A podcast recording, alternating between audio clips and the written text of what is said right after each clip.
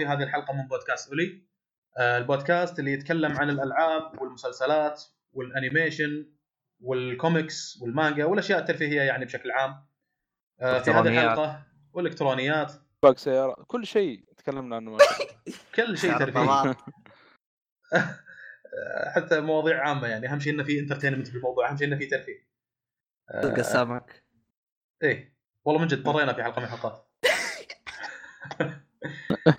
في هذه الحلقة معانا أبو شرف عبد الله الشريف أهلا وسهلا. ومعانا محمد الصالحي. يا أهلا وسهلا. كيف حالكم يا شباب؟ الحمد لله. ولا شمعة منورة. آه كيف الجو عندكم يا أبو شرف؟ في تروالي إنه برد. أه شوف أنا أنا تقدر ت... لأني أنا في أقصى الجنوب فأنا يعني أقل درجة حرارة بالنسبة لباقي آه، بريطانيا. ورقم اثنين أنا على الساحل. فتعرف أنت الساحل غالبا يكون أقل درجات برود عن آه، داخل المدن. أي رطب شوي ف... لطيف الجو. إي ف فإلى الآن إلى الآن يعني درجة الحرارة بتتكلم من 6 إلى 10 م- ما ما طارت يعني أقل. طبعا إذا. مثلا احد بيسالني 6 إلى 10 إيش الهرجة؟ يعني يعتبر برد 6 إلى 10 لي ثلاث لي ثلاث شهور على هذا الموال 6 إلى 10 نفس الهرجة. فتعودت. صار لا، لا لا. 6 إلى 10 هذا عادي. عموما برد الأوروبا مو نفس بردنا. البرد مو يخلي مو البرد اللي يخليك على قولة واحد مو البرد اللي يخليك ما تطلع من البيت. لا لا البس لبس شتوي وتطلع تستمتع بالبرد أصلا. الجو حلو يكون بالنسبة لك. حتى مو زي حتى بردنا اللي يجيك شوي. قاسي بسبه البيئة البرية شوي يكون البرد إذا صارت مثلا يا. أربعة حاجة زي كذا بيكون برد قوي. آه، بالذات بمناطق صحراوية البحتة مثل الرياض مثلا. أربعة بيكون حيل قوي بالبرد يعني ومو صحي يعني. آه. والله شوف ترى أنا اللي لاحظته يعني صراحة هنا أنا كانوا يقولوها قبل بس ما كنت أصدقهم هنا إذا أنت لبست لبس اللي هو ما يمتصها الموية عشان مم. إذا نزل مطر ما هذا ما راح تبرد أمورك زي الفل مم. يعني ما لا ما تحتاج يعني برد لطيف يعني مش هذا يعني خبر واحد من الشباب يقول لي يقول لي شفت هذا البرد لطيف ترى يعني يقوى ويزيد معك يعني ممكن يوصل حتى لدرجة أحيانا سالب واحد وسالب اثنين وهذه جربتها أنا يوم سافرت النرويج يعني طلعت في أجواء كانت minus 1 حتى رحنا حديقة تشوف ثلج كذا خفيف مش ثلج الأبيض لا الثلج اللي تلاقيه إيه. على أرضية شو اسمه آه، اللي هي درجة التجمد لأن في درجة تجمد في الأماكن اللي فيها ماي تلاقيه صاكي شوي. آه، بس تمام. إنه مش البرد ال- المؤذي. بالعكس شيء ممتع إنك طلعت وتمشيت ومشينا وطقنا البرد تالي رحنا coffee shop خذينا hot chocolate شيء ممتع. بعد ما يطقك البرد تاخذ لك شيء حار coffee ولا hot chocolate ولا شيء كذي روعة صراحة. فخوي هذا يقول والله تو- توصل إلى أن توصل مثلا سالب 10 إلى سالب 14 إذا وصل وصل سالب 14 تقريبا خلاص البس هدوم من الباكر. راح تحس بالبرد.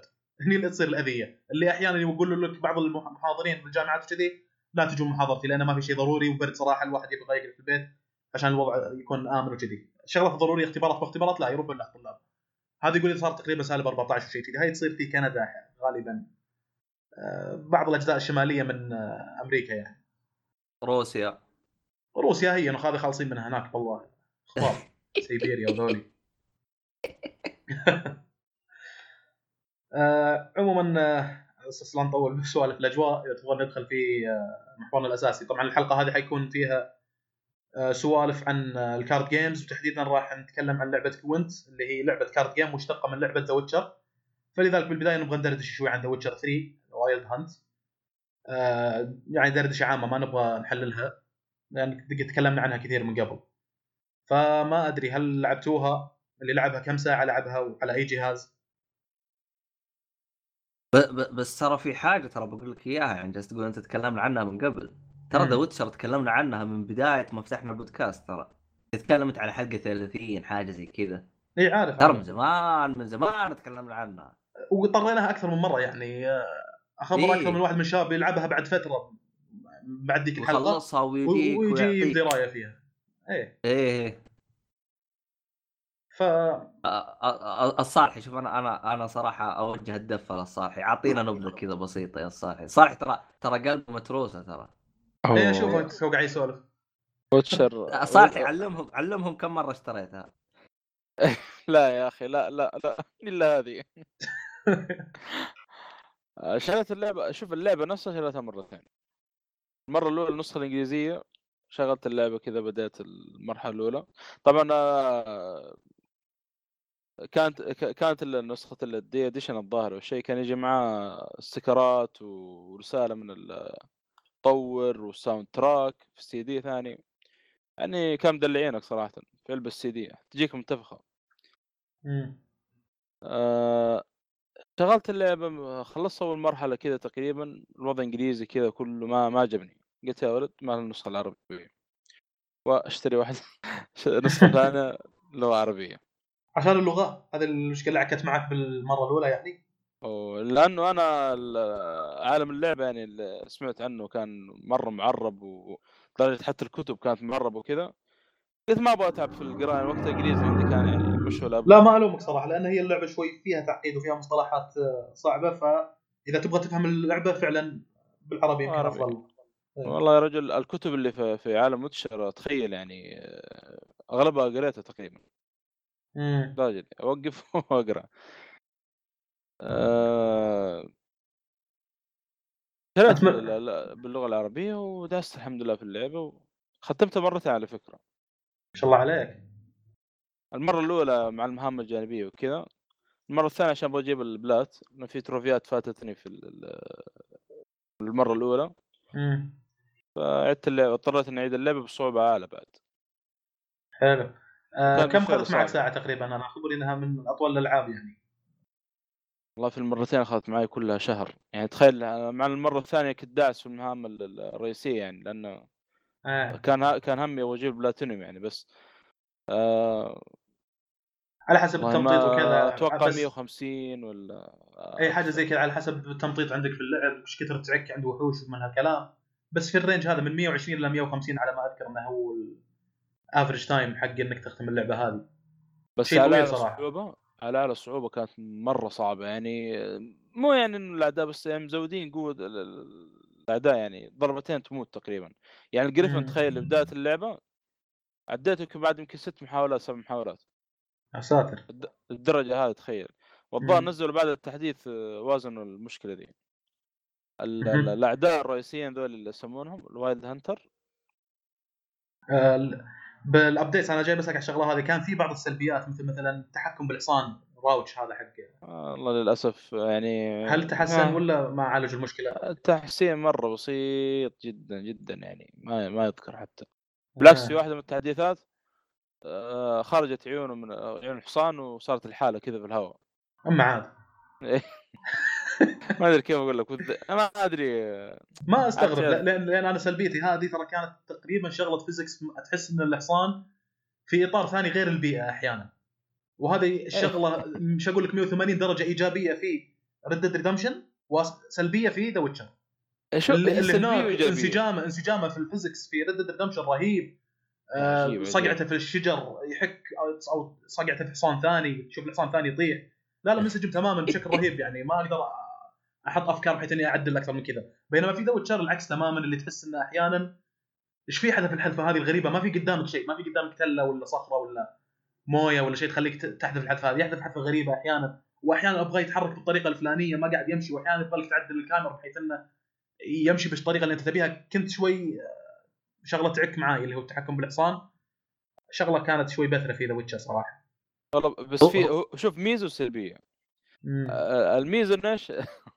إذا كنت مرتفع ولا شيء اضغط مربع بس حاول مربع مربع مربع لين ينط من فوق ما يجي شيء. كمل طريقك تختصر.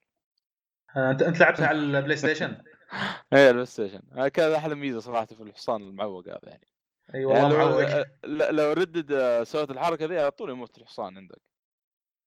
إيه. آه، لكن لا، هاك. آه، مستغل ال bugات هذه ترى أنا في Witcher. وهذه والله نقطتي ثانية إن فيها bugs فيها bugs يعني إيش أقول لك آه، ملحوظ مش الشغل اللي ممكن هذا يعني لدرجة إن في وحش من الوحوش وأنا قاعد أسولف مع واحد من الشباب قاعد أسولف عن الوحش هذا قلت له يا أخي هذا سويت له كذي وسويت له كذي وهذا شو يقول لي وقف وقف أنت أي level؟ قلت له سبعة قال لي كيف كيف قتلت الوحش هذا وأنت بال level هذا؟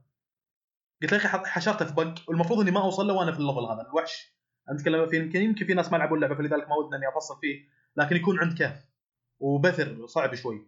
فهو يقول أنا بالنسبة لي استراتيجية بسيطة ممكن أطبقها معه ولاني ملفل في اللعبة فعادي ان أجي ما ما كانت قضية بالنسبة لي الوحش هذاك. فانت كيف وأنت بال level ال- طامن هذا أو نازل قلت رحت تواجهه وقدرت عليه. قلت له والله ان تعبت وأنا أدبج فيه ويقتلني وأدبج فيه ويقتلني لدرجة إني حشرته في واحدة من الوحدات في بق نفس الملاحظة اللي قلتها على الحصان انه تحس إن الحصان صار في إطار غير عن الاطارات الثانية مثلا اللي المفروض إنه يكون فيها أو الوضع الطبيعي. الوحش صار نفس الشيء في زي التلة هو فوق الوحش. وبيني وفي التلة هذه في زي الشجرة آه، وهو قاعد يخ- يخمش الوحش خم... يعني تخميشه قوي كان لكن ما قاعد تخميشاته ما قاعد تجيني. أنا تحت التلة وقاعد أطقه من, من ناحية الرجول وقاعد أطقه وأدبج فيه وهو ما قاعد يطقني. قلت يا سلام أنا ويني؟ أنا الشغلة هذه من زمان. ذكرت إن أخوي كان يحب شغلات مثل هذه. هو لأنه حق مثلا Dark Souls Bloodborne الألعاب هذه اللي اللي مم تلقى فيها glitchات تلقى فيها bugات أحيانا. يحب أحد جوانب المتعة بالنسبة له في الألعاب هذه إنه يطيح على شغلات مثل هذه. إنه يطيح مثلا على نوع من السحر يطور لك السيف الفلاني لأنه تعرف خيارات في اللعبة مثل هذه كبيرة لأنها لعبة RPG فيبغى يطيح على شغلات مثل هذه. فقلت okay يعني في بقات اللعبة مثل هذه ممكن تستغلها لصالحك لكن كان من ناحية مطورين ومبرمجين وكذا هي تعتبر سلبية ترى. أكيد. الناحيه الفنية يعني. إيه. بس والله, والله شوف ترى أنت لو. لو تقارنها ب Red Dead ترى Red Dead ترى يمكن الاستديو اللي ماسكها اللي هو Rockstar يمكن أربع أو خمس أضعاف حجم آه اللي هو ري ري Red استوديو أو شو اسمه لا حق C- CD Projekt C CD Projekt CD Projekt CD CD صح إنه Projekt. استديو كبير بس ما يقارن باستديو آه، Rockstar. يعني نهائيا ما ما يقارن.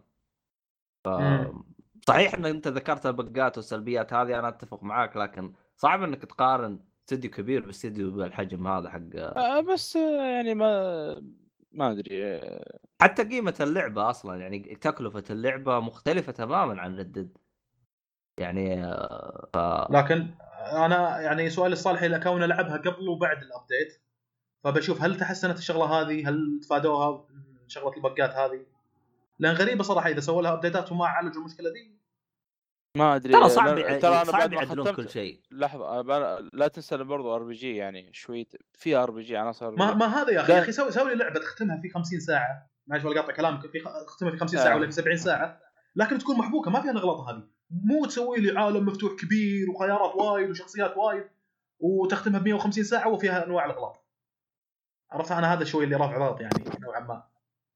الملاحظة يمكن. الجذريه بالنسبة لي بالنسبة للعبة دي والله أنا أذكر مهمة جانبية حقت مستذئب مستذئب شو- مستذئب أيوه. مستذئب أيوه آه، أذكر نزلوا تحديثين ما حلوا المشكلة يعني كان المفروض إنه الظاهر بعد ما تقاتل المرة الأولى طبعا ما- تقتله. آه، بيقعد سادح كذا المفروض تسوي حركة عنده الظاهر مربع أو شيء يعلق أو ما ما يصير له شيء فاهم؟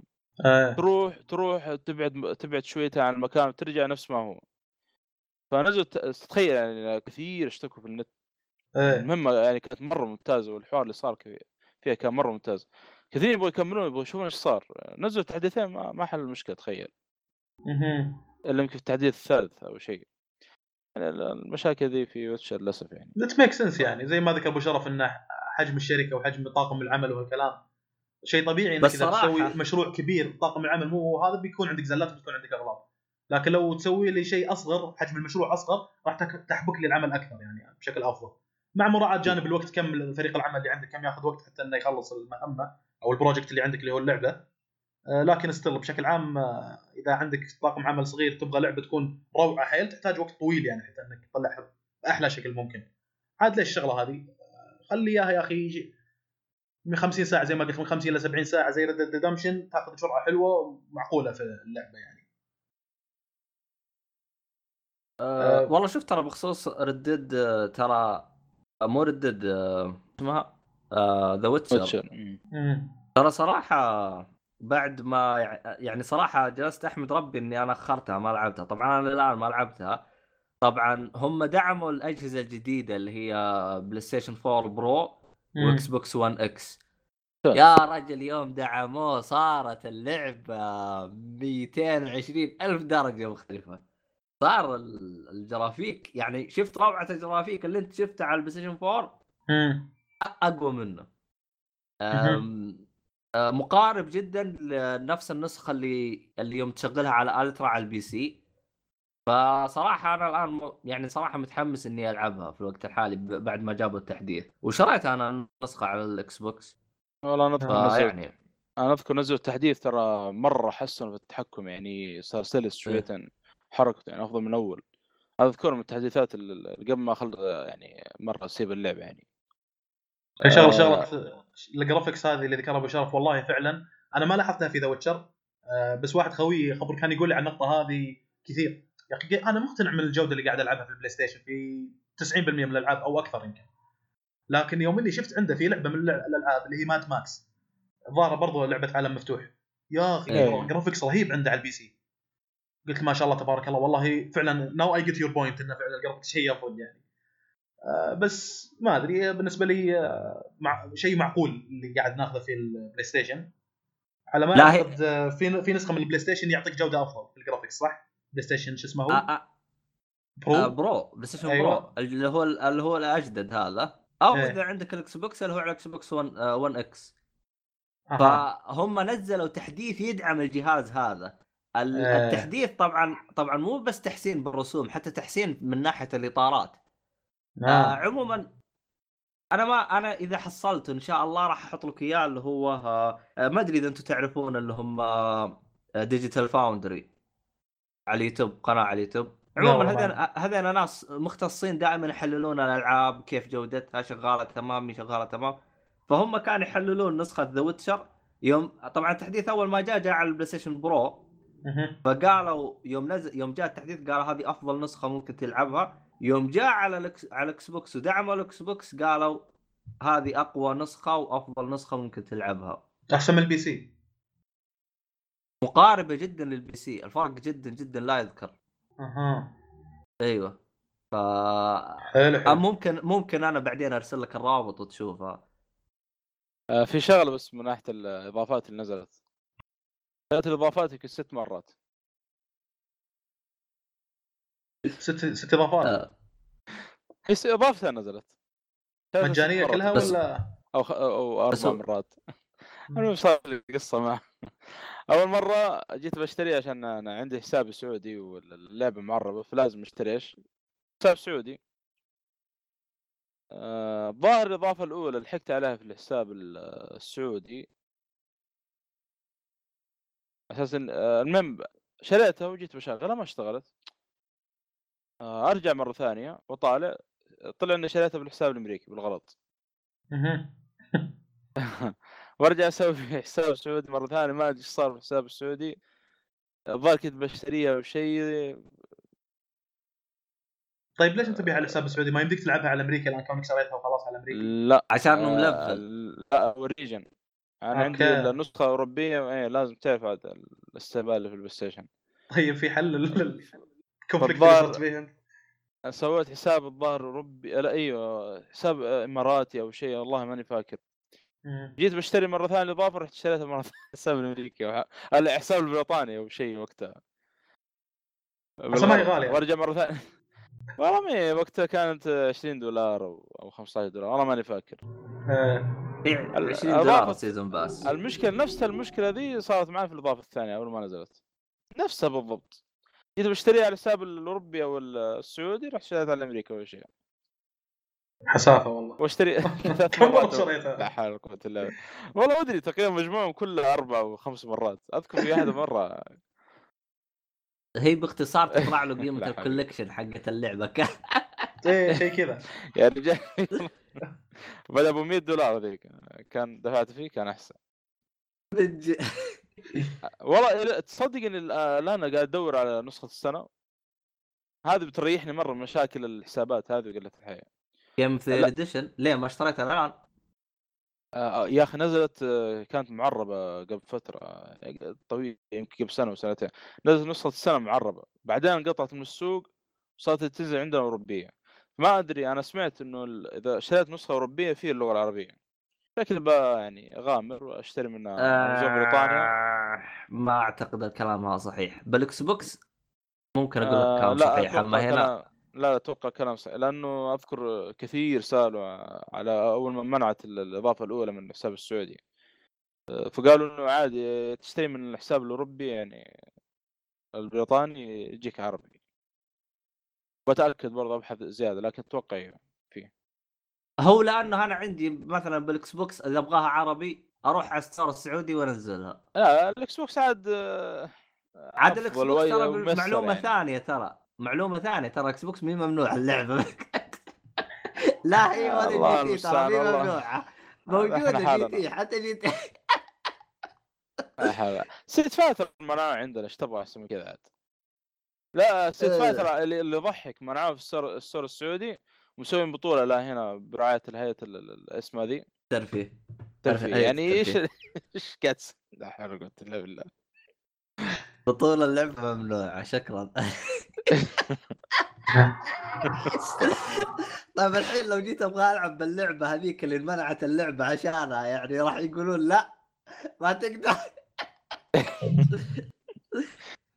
لا لا عموما للمستمع اللي ما يدري ليش انمنعت لعبة Street Fighter لأنه واحدة من الشخصيات لابسة ملابس شوي مكشوفة فقط عشان هذه اللعبة بالكامل انمنعت. في كم شخصية؟ والله ناس اسم الشخصية. هي شخصية واحدة بس. مشهورة يا أخي. هي شخصية واحدة كانت لابسة من غير هدوم. والله آه، شغلات ترفع الضغط هاي شغلات المنع يعني المهم. آه، بإمكانك توفرها بكل سهولة من الستور ولا شيء. آه، أعرف أعرف. بس ما علينا. عموما كذا أعتقد خلصنا من دوت؟ آه لا لا باقي عندك شغلتين. آه هي يعني فيها أشياء كثير صراحة. آه كلعبة RPG تطور عليها وتشتري وتبيع والسوالف هذه يعني فيها سيوف دروع سحر ما سحر و magic السوالف هذه كلها. يعني أنا لعبتها يمكن 20 ساعة وما أقدر أقول إني عرفت السوالف هذه كلها القوائم وتحوس فيها وت- له ثياب ما له ثياب والسيف إذا كان مكسور يبغى لك تعدله من هالكلام شغلات حوسة كثيرة أقدر يعني ما أقدر أقول إني فهمتها كلها. فلعبت 20 ساعة وما فهمتها كلها ترى على فكرة. ويمكن ناس أتوقع إن في ناس يمكن لعبوا فيها أكثر مني وما تطرقوا القوائم هذه كلها. يعني في شغلات تقدر تختم اللعبة بدون لا تحوس فيها الشغلات هذه كلها. لأن قوائم كثيرة وحوسة كثير صراحة أعشاب ما أعشاب تقدر تشتريها من العالم أو تجمعها شغلات حوسة. بغيت أسألكم عن أه، إذا تب... إذا ممكن نقارن اللعبه مثلا مع Horizon ولا Skyrim إذا في أحد منكم لعب هاللعبتين. Horizon أنا ختمته وجبت plat برضه فيها. ها تحس إنها ممتعة أكثر من The Witcher لا. ولا The Witcher أفضل؟ Witcher يعني آه، كل التختمتين مرة استمتعت فيهم أنا. أوكي. يعني يعني ممكن ما عندك مشكلة في العبارة التالية انها هي أفضل لعبة من نوع RPG عالم مفتوح. عن نفسي لا. وحتى تصدق إن جت فترة إني أتمنى إني أعيدها لو حصلت وقت. أي واحدة. Witcher. والله الدرجه دي يعني. أنا أنا لعبت Horizon العالم مست- مستمتع فيه أنا. أيوة. أنا لعبت Horizon لكن ما ختمتها. ولعبت The Witcher وبرضه ما ختمتها لكن يعني عندي انطباع لا بأس فيه عن اللعبتين. ومن اراء الشباب. Horizon؟ والله وقتها أنا أصلا رحت ال Horizon بسبب إن كمية الألعاب ال RPG عالم المفتوح. آه، اللي خلاني أضطر إني ألعب لعبة مثل هذه. ولا أنا ما, ما هي جو جت فترة اللي واحدة من الثنتين يعني يمكن أترك ال games ولا إني أدخل العالم هذا. آه، غصب إنك تتعلم ال RPG شيء يجيني فنيو الظاهر فيها عناصر ار بي جي هورايزن آه بعد شنو؟ خلال ذيك الفترة نزلت تقريبا ثلاث آه. أربع ألعاب كلها ار بي جي عالم مفتوح تخبر قلت لك وشارك قلت لك ترى دارك هذا الجيل. سولز 3 دارك سول بس ما أدري إذا أقدر أقول عنها إنها ار بي جي لأن أنا لعبت واحدة منهم بلاد بورن تخيل اضطريت إني أدخل الشغلة هذه مع إني أنا كنت رافض صراحة.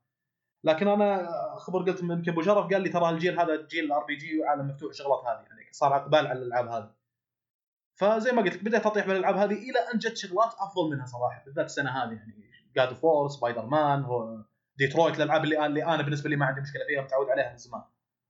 ف هذا السبب. Horizon أخبرني دقرت في أماكن يعني برضو لعبت فيها ترى شيء لا بأس فيه يمكن 20 ساعة. لكن دقرت في كم مكان هو اللي خلاني استثقل إني العبها آه هذا هو السبب يعني.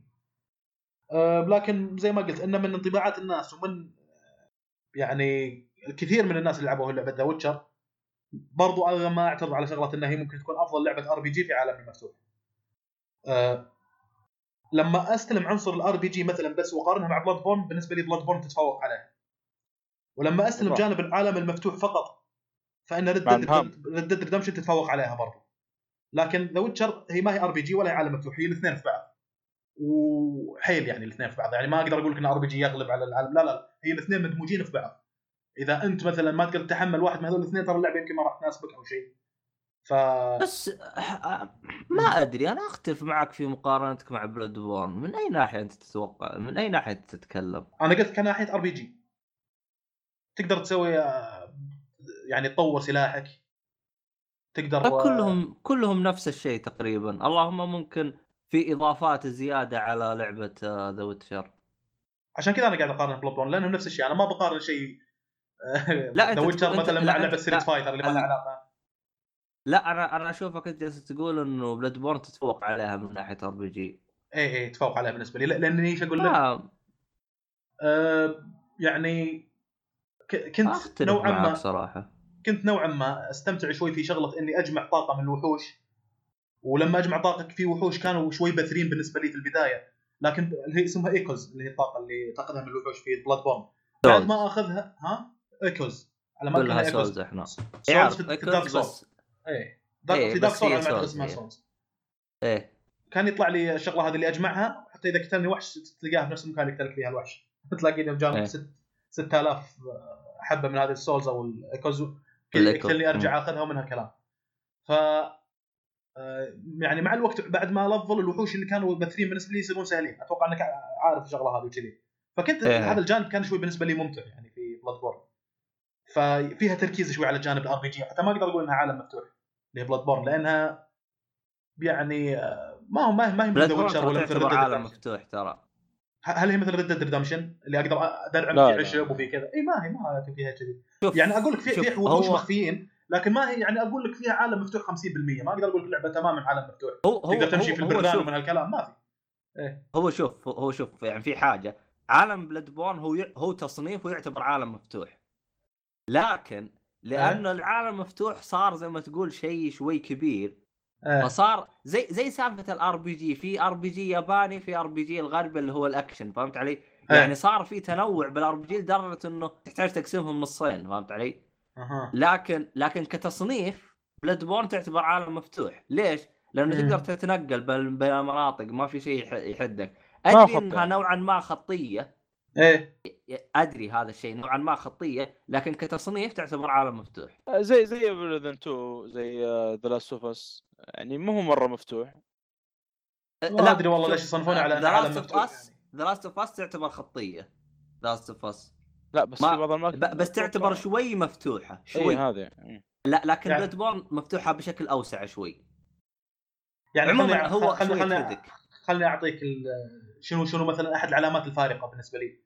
تخبر أيام أول يوم كنا نلعب Grand Theft Auto اللي اللي ما همنا أصلا المهمات بس امشي ودرعم وكسر وخلى الشرطة يلحقونك وكذي.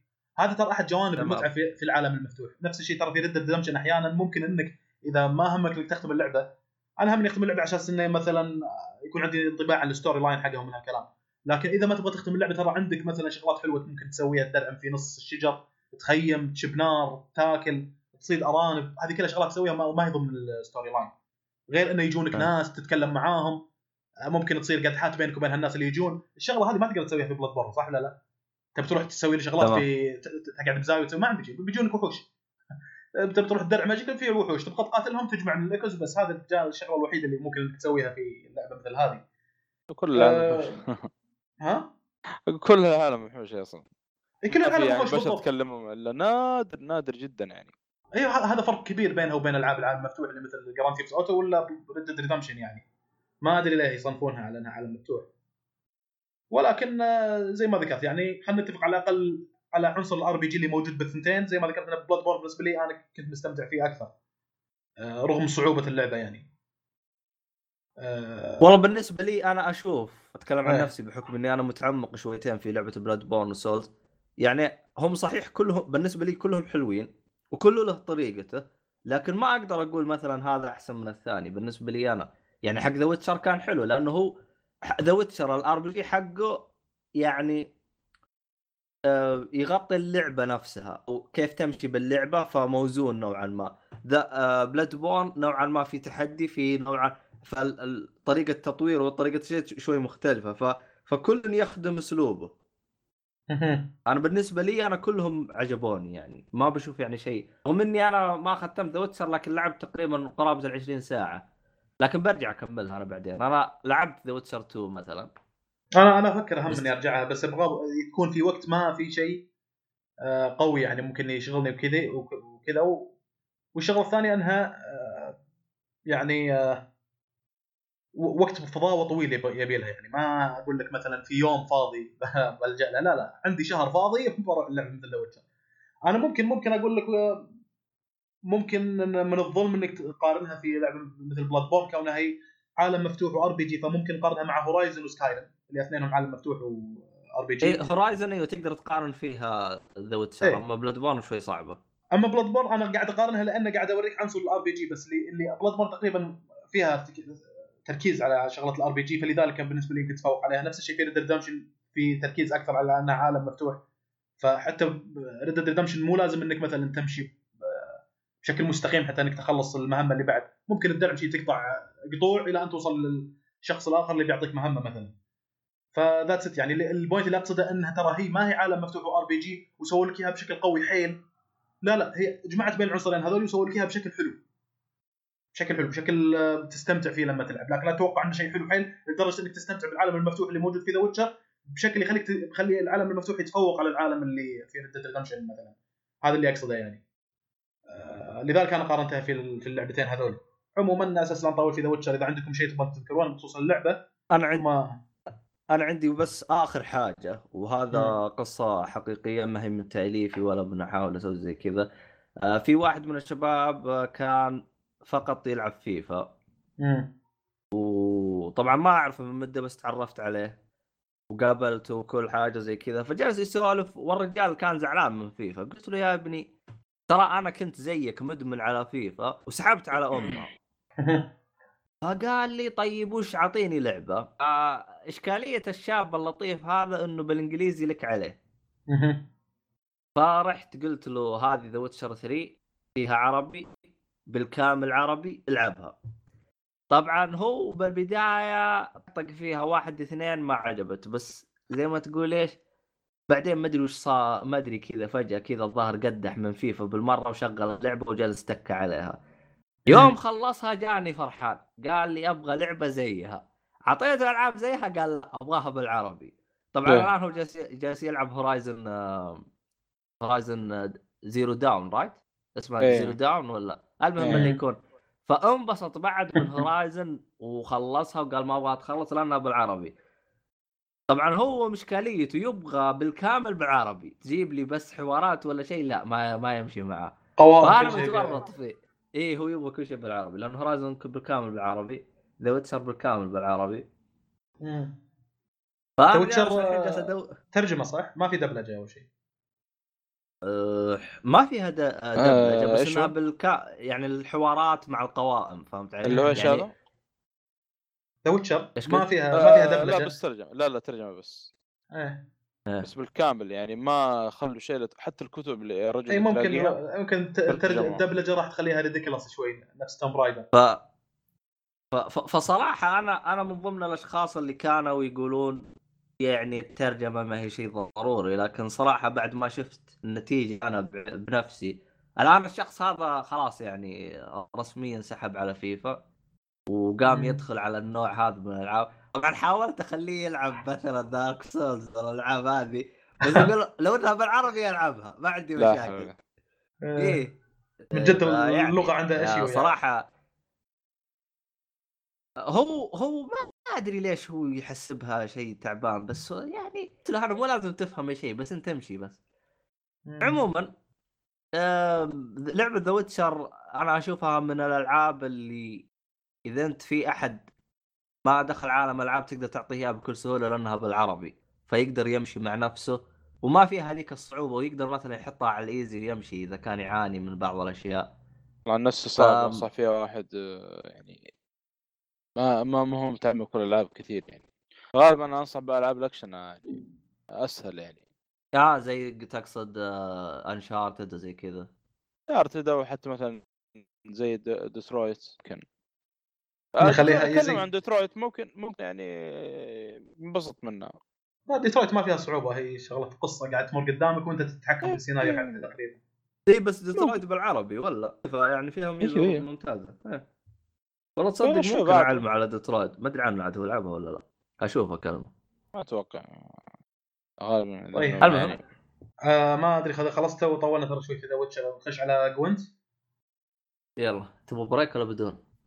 لا لا بدون روح يلا.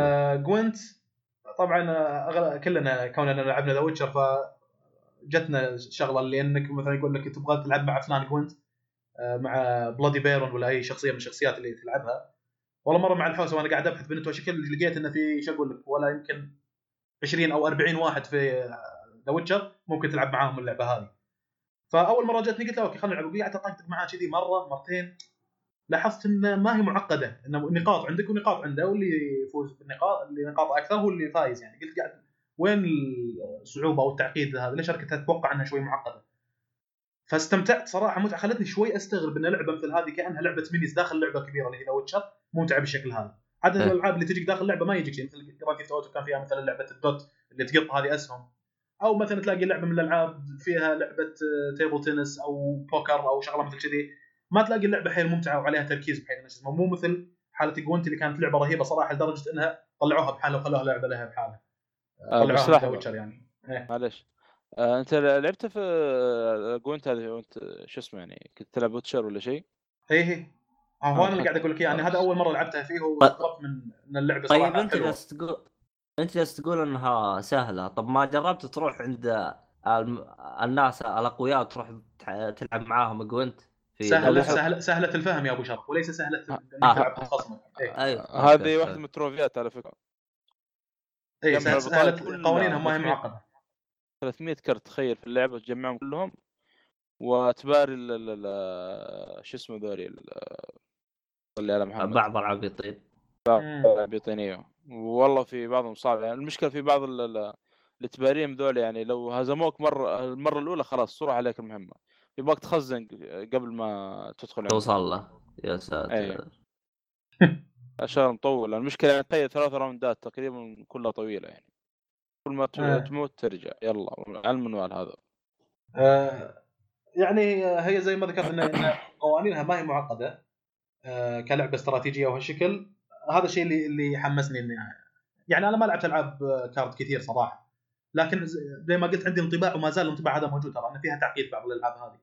لكن الرهيب في اللعبة يوم إنك انت تلعب إنك تحط بالأسهم قبل لا تلعب الكرت تحط بالأسهم على الكرت هذا فيوريك قوته ويكتب لك تحت ال description حق ال ability يعني مثلا يقول لك الكرت هذا تقدر من خلاله تطق خصمك ب minus 2 واضح الوصف. أحطه يقول لي فعلا تبي تستخدم الآن ال ability اللي هو minus 2 تبي تطقه الآن؟ أقول له اي بستخدمه طبعا تجيك حالات إنك تستخدمه غلط مثلا إنك تلعب تكون اللعب عندك أول مرة فأنت تلعب أول لعبة وتحط الكرت هذا اللي فيه اللي تقدر تطق خصمك ب minus 2 وخصمك بعده ما نزل ولا كرت فيحترق عليك ال minus 2 ما تقدر تستخدمه.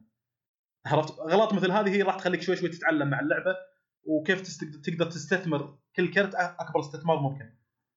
آه هذه يعني خلونا شوي نرجع شويتين نعرف باللعبه زيادة. اللعبة هي متوفرة على ال PC وال Xbox 1 و PlayStation 4.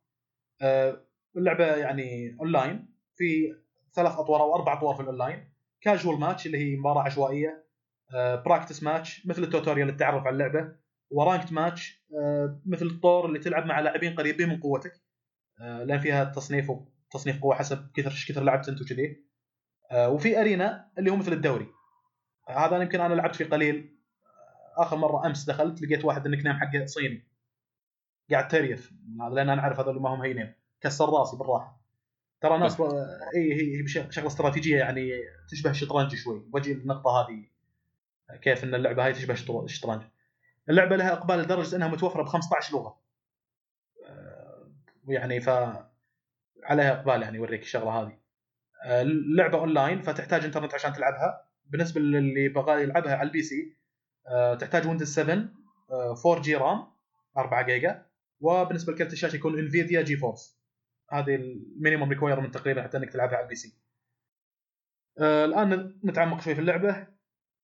آه، في كمية كبيرة جدا من ال decks والكروت في لعبة آه، Gwent. آه، اللي يبي فهرس لجميع ال decks الموجودة في اللعبة يدخل موقع Gwentup dot com slash decks حيوريك ال- شو اسمه ال decks اللي موجودة. اللعبة ما فيها صح وخطأ. كل لاعب عنده استراتيجية وخطط للفوز بس تحتاج إنك تعرف قوانين اللعبة مبادئها وأساسياتها وتبدأ تطبق خططك. زي ما ذكرت إنها مثل الشطرنج يعني. آه، يعني أبرز الأسماء اللي برزت في الشطر- الشطرنج آه، قائد عسكري اسمه نابليون. يقال إن هذا القائد نابليون آه، كان يلعب شطرنج قبل لا يخوض معركة وإذا خسر يعرف إن استراتيجيته الان وطريقة تفكيره ضعيفة فما يدخل المعركة. يقال شيء هذا ما عجيب. ما لقيت مصدر موثوق للمعلومة هذه لكن آه هي استراتيجية يعني.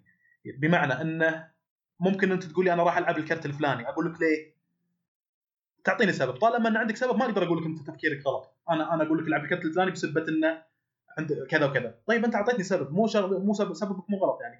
ما لم يكن الغلط هذا مثلا شغلة بالمبادئ يعني نفس ما ذكرت قبل شوي إنك تحرق على نفسك minus 2 ممكن تطق فيها خصمك. هذا غلط واضح يعني لا استثمر أفضل. آه، شغلة مثل كذي. فزي ما ذكرت إنه ما فيها صح وخطأ فيها opinions أنت رأيك شنو؟ فيها مثلا تعطيني واحد يقول أنا بلعب الكرت هذا سببي كذا وكذا، واحد ثاني يقول لي لا ما تلعب هذا، تلعب الكرت الفلاني أو تنقص من خصمك minus 5 مثلا تطقه بالبرق ويعطيني سبب أقوى من السبب الأولي مثلا. هنا okay أنا أقول لك إن اثنينهم لعبهم حسب كل واحد حسب آه، استراتيجيته وحسب خطته ولكن الثاني صراحة أعطاني سبب مقنع أكثر من الأول في إنك تلعب الكرت هذا أفضل. شغلة مثل كذي. آه، ولك أن تتخيل كمية الخيارات في اللعبة هذه يعني. اللعبة ثلاث جولات يعني best out of 3 لو تفوز بجولتين تفوز بال game يعني مثلا إذا لعبت جولة واحد واثنين وفزت فيهم ما يحتاج جولة ثالثة أو العكس إذا خصمك فاز بالجولة الأولى والثانية ما يحتاج جولة ثالثة آه بينما إذا لعبت انت فزت بالأولى وهو فاز بالثانية تحتاجون ثالثة تكون فصاله تقدر في أي وقت تسوي forfeit وتنسحب من ال game كامل بخسارة طبعا لأنك forfeit مثل خسارة. هذه أنا أستخدمها مثلا آه إذا شفت إنه خلاص يعني قضى علي ما أقدر إني مثلا بطريقة ما واضحة جدا هو الفايز يعني. أختصر اختصار للوقت أسوي forfeit على أساس انهي ال game وأروح ال game اللي بعده بدل أني أخليه يطقطق علي على راحته كذي وأنا قاعد تحترق اعصابي أسوي forfeit واخلص يعني. أما أنت طلعت من الضعيفين اللي زي كذا. ألعب اللعبة وبعدين تعال. لا شوف أنا ترى أنا أتكلم إيه. عن نفسي أنا لأني زي ما قلت لك ألعب ألعاب آه، card من زمان. إيه. ما أستسلم. ما أستسلم إلين ما يجلدني. أنا إيش قاعد أقول لك أنا؟ أنا ما أستسلم إلا لين يجلدني. تلاقي نفسك مجلود معديك هو واصل 30 وأنت اثنين عدد القوة والكروت اللي عندك تعبان. تصدق مو معقول عاد تصدق عاد تصدق إني مرة سويتها كان هو يستهبل علي لأنه بقالي نقاط وقلبتها على راسه. سويت forfeit forfeit خلاص تنهي ال game لا لا لا لا, لا قلبتها عليه. بس صعب صعب هنا شوي. هي هي صعب بس أنا. أحب كذا يوم يوم يجي يطقطق علي أحاول إني ها ألقى طريقة فهمت علي؟ قدر المستطاع. في جوينت تراهي صعبة يعني بتشوف وأنا أشرح ان يا أخي فيها زي. اللي, اللي مع اللعب مع أنا ترى لعبت كثير أنا ما أقول لك ان اللعب ضعيف لكني مع اللعب الكثير جاني انطباع إن في حالات لا يبقى مستحيل. مستحيل لأن مهما كان الكرت اللي هو راح يلعبه لو نقطة واحدة يعني يعني راح يتفوق عليه أو راح يفوز عليه مثلا. أو لو مهما كانت قوة الاوراق اللي عندي صعب إني اجيبه لأنه معديني مثلا ب 50 ففيها زي اللي مثلا آه، قوانين راح تكون معك مع, اللعب راح تصير عندك مثل قوانين إذا هم معديني مثلا ب 20 نقطة من الأفضل إني أسوي pass عشان أستثمر الأوراق اللي عندي في ال round الثاني. شغلات مثل كذي. وهذه النقطة الجاية إنك تقدر تسوي pass وتنهي الجولة آه يعني تنهي round 1 فقط. آه فتمكنه أنت من إنه يفوز في ال round الأول في مقابل إنك تستثمر القوة اللي عندك في ال round الثاني. آه طبعا ال game يبدأ وكل لاعب عنده 10 كروت. آه واحد منكم أنت أو الخصم يكون عنده كرت plus 5 already محطوط عنده. لكن هذا الشخص اللي عنده كرت plus 5 هو اللي يبدأ باللعب. وتقدر تغير أربع كروت في بداية اللعب. اذا آه، تبدأ وعندك 10 كروت. واحد منكم انت أو الخصم يكون عنده كرت plus 5 من الحظ هذه يعني ضربة حظ. لكن تبي تقول okay على أساس؟ هذا واضح إنه متفوق عليه كون عنده plus 5 لا أنت متفوق عليه في إنه هو أول راح يلعب. يعني إذا كان خصمك مثلا عنده ال plus 5 هذه هو راح يلعب أول. تبي تقول لي شو الفائدة؟ بقول لك لا عدة فيها عدة فوائد، أول شيء تخلي تخطيطك بناء على تخطيطه. كونه هو لعب الآن شنو لعب لك؟ لعب لك شيء كبير صغير شيء كذا. الشغلة الثانية ممكن نفس ما أنا قلت ان كون ال plus 5 الآن عنده تلعب له اشياء صغيرة. كرت كرتين ثلاث هو حيكون لاعب أربع. حلو؟ لعب أربع. أنت لعبت ثلاث كروت صغار وبعدين تسوي pass راح يفوز هو صحيح في الجولة الأولى ولكن عدد الكروت عندك الآن أكثر. آه، طبعا انتهى ال round ال1 ال round 2 راح تتوزع ثلاث أوراق عليك وثلاث أوراق عليه. still أنت متفوق في عدد الأوراق. راح تكون عندك 10 أوراق لأنك أنت لعبت ثلاثة قبل بال round 1 رجعوا لك الثلاث هذول صارت عندك 10 هو لعب أربعة ورجعوا له ثلاثة فصارت عنده تسعة. أنت متفوق عليه بعدد الاوراق بالشكل هذا. okay أكسب الجولة الأولى ما عندي مشكلة. لكن تقعد تمزمز عليه بالجولة الثانية. فهذا أحد طرق التفكير اللي ممكن إنك تفكر فيها في اللعبة.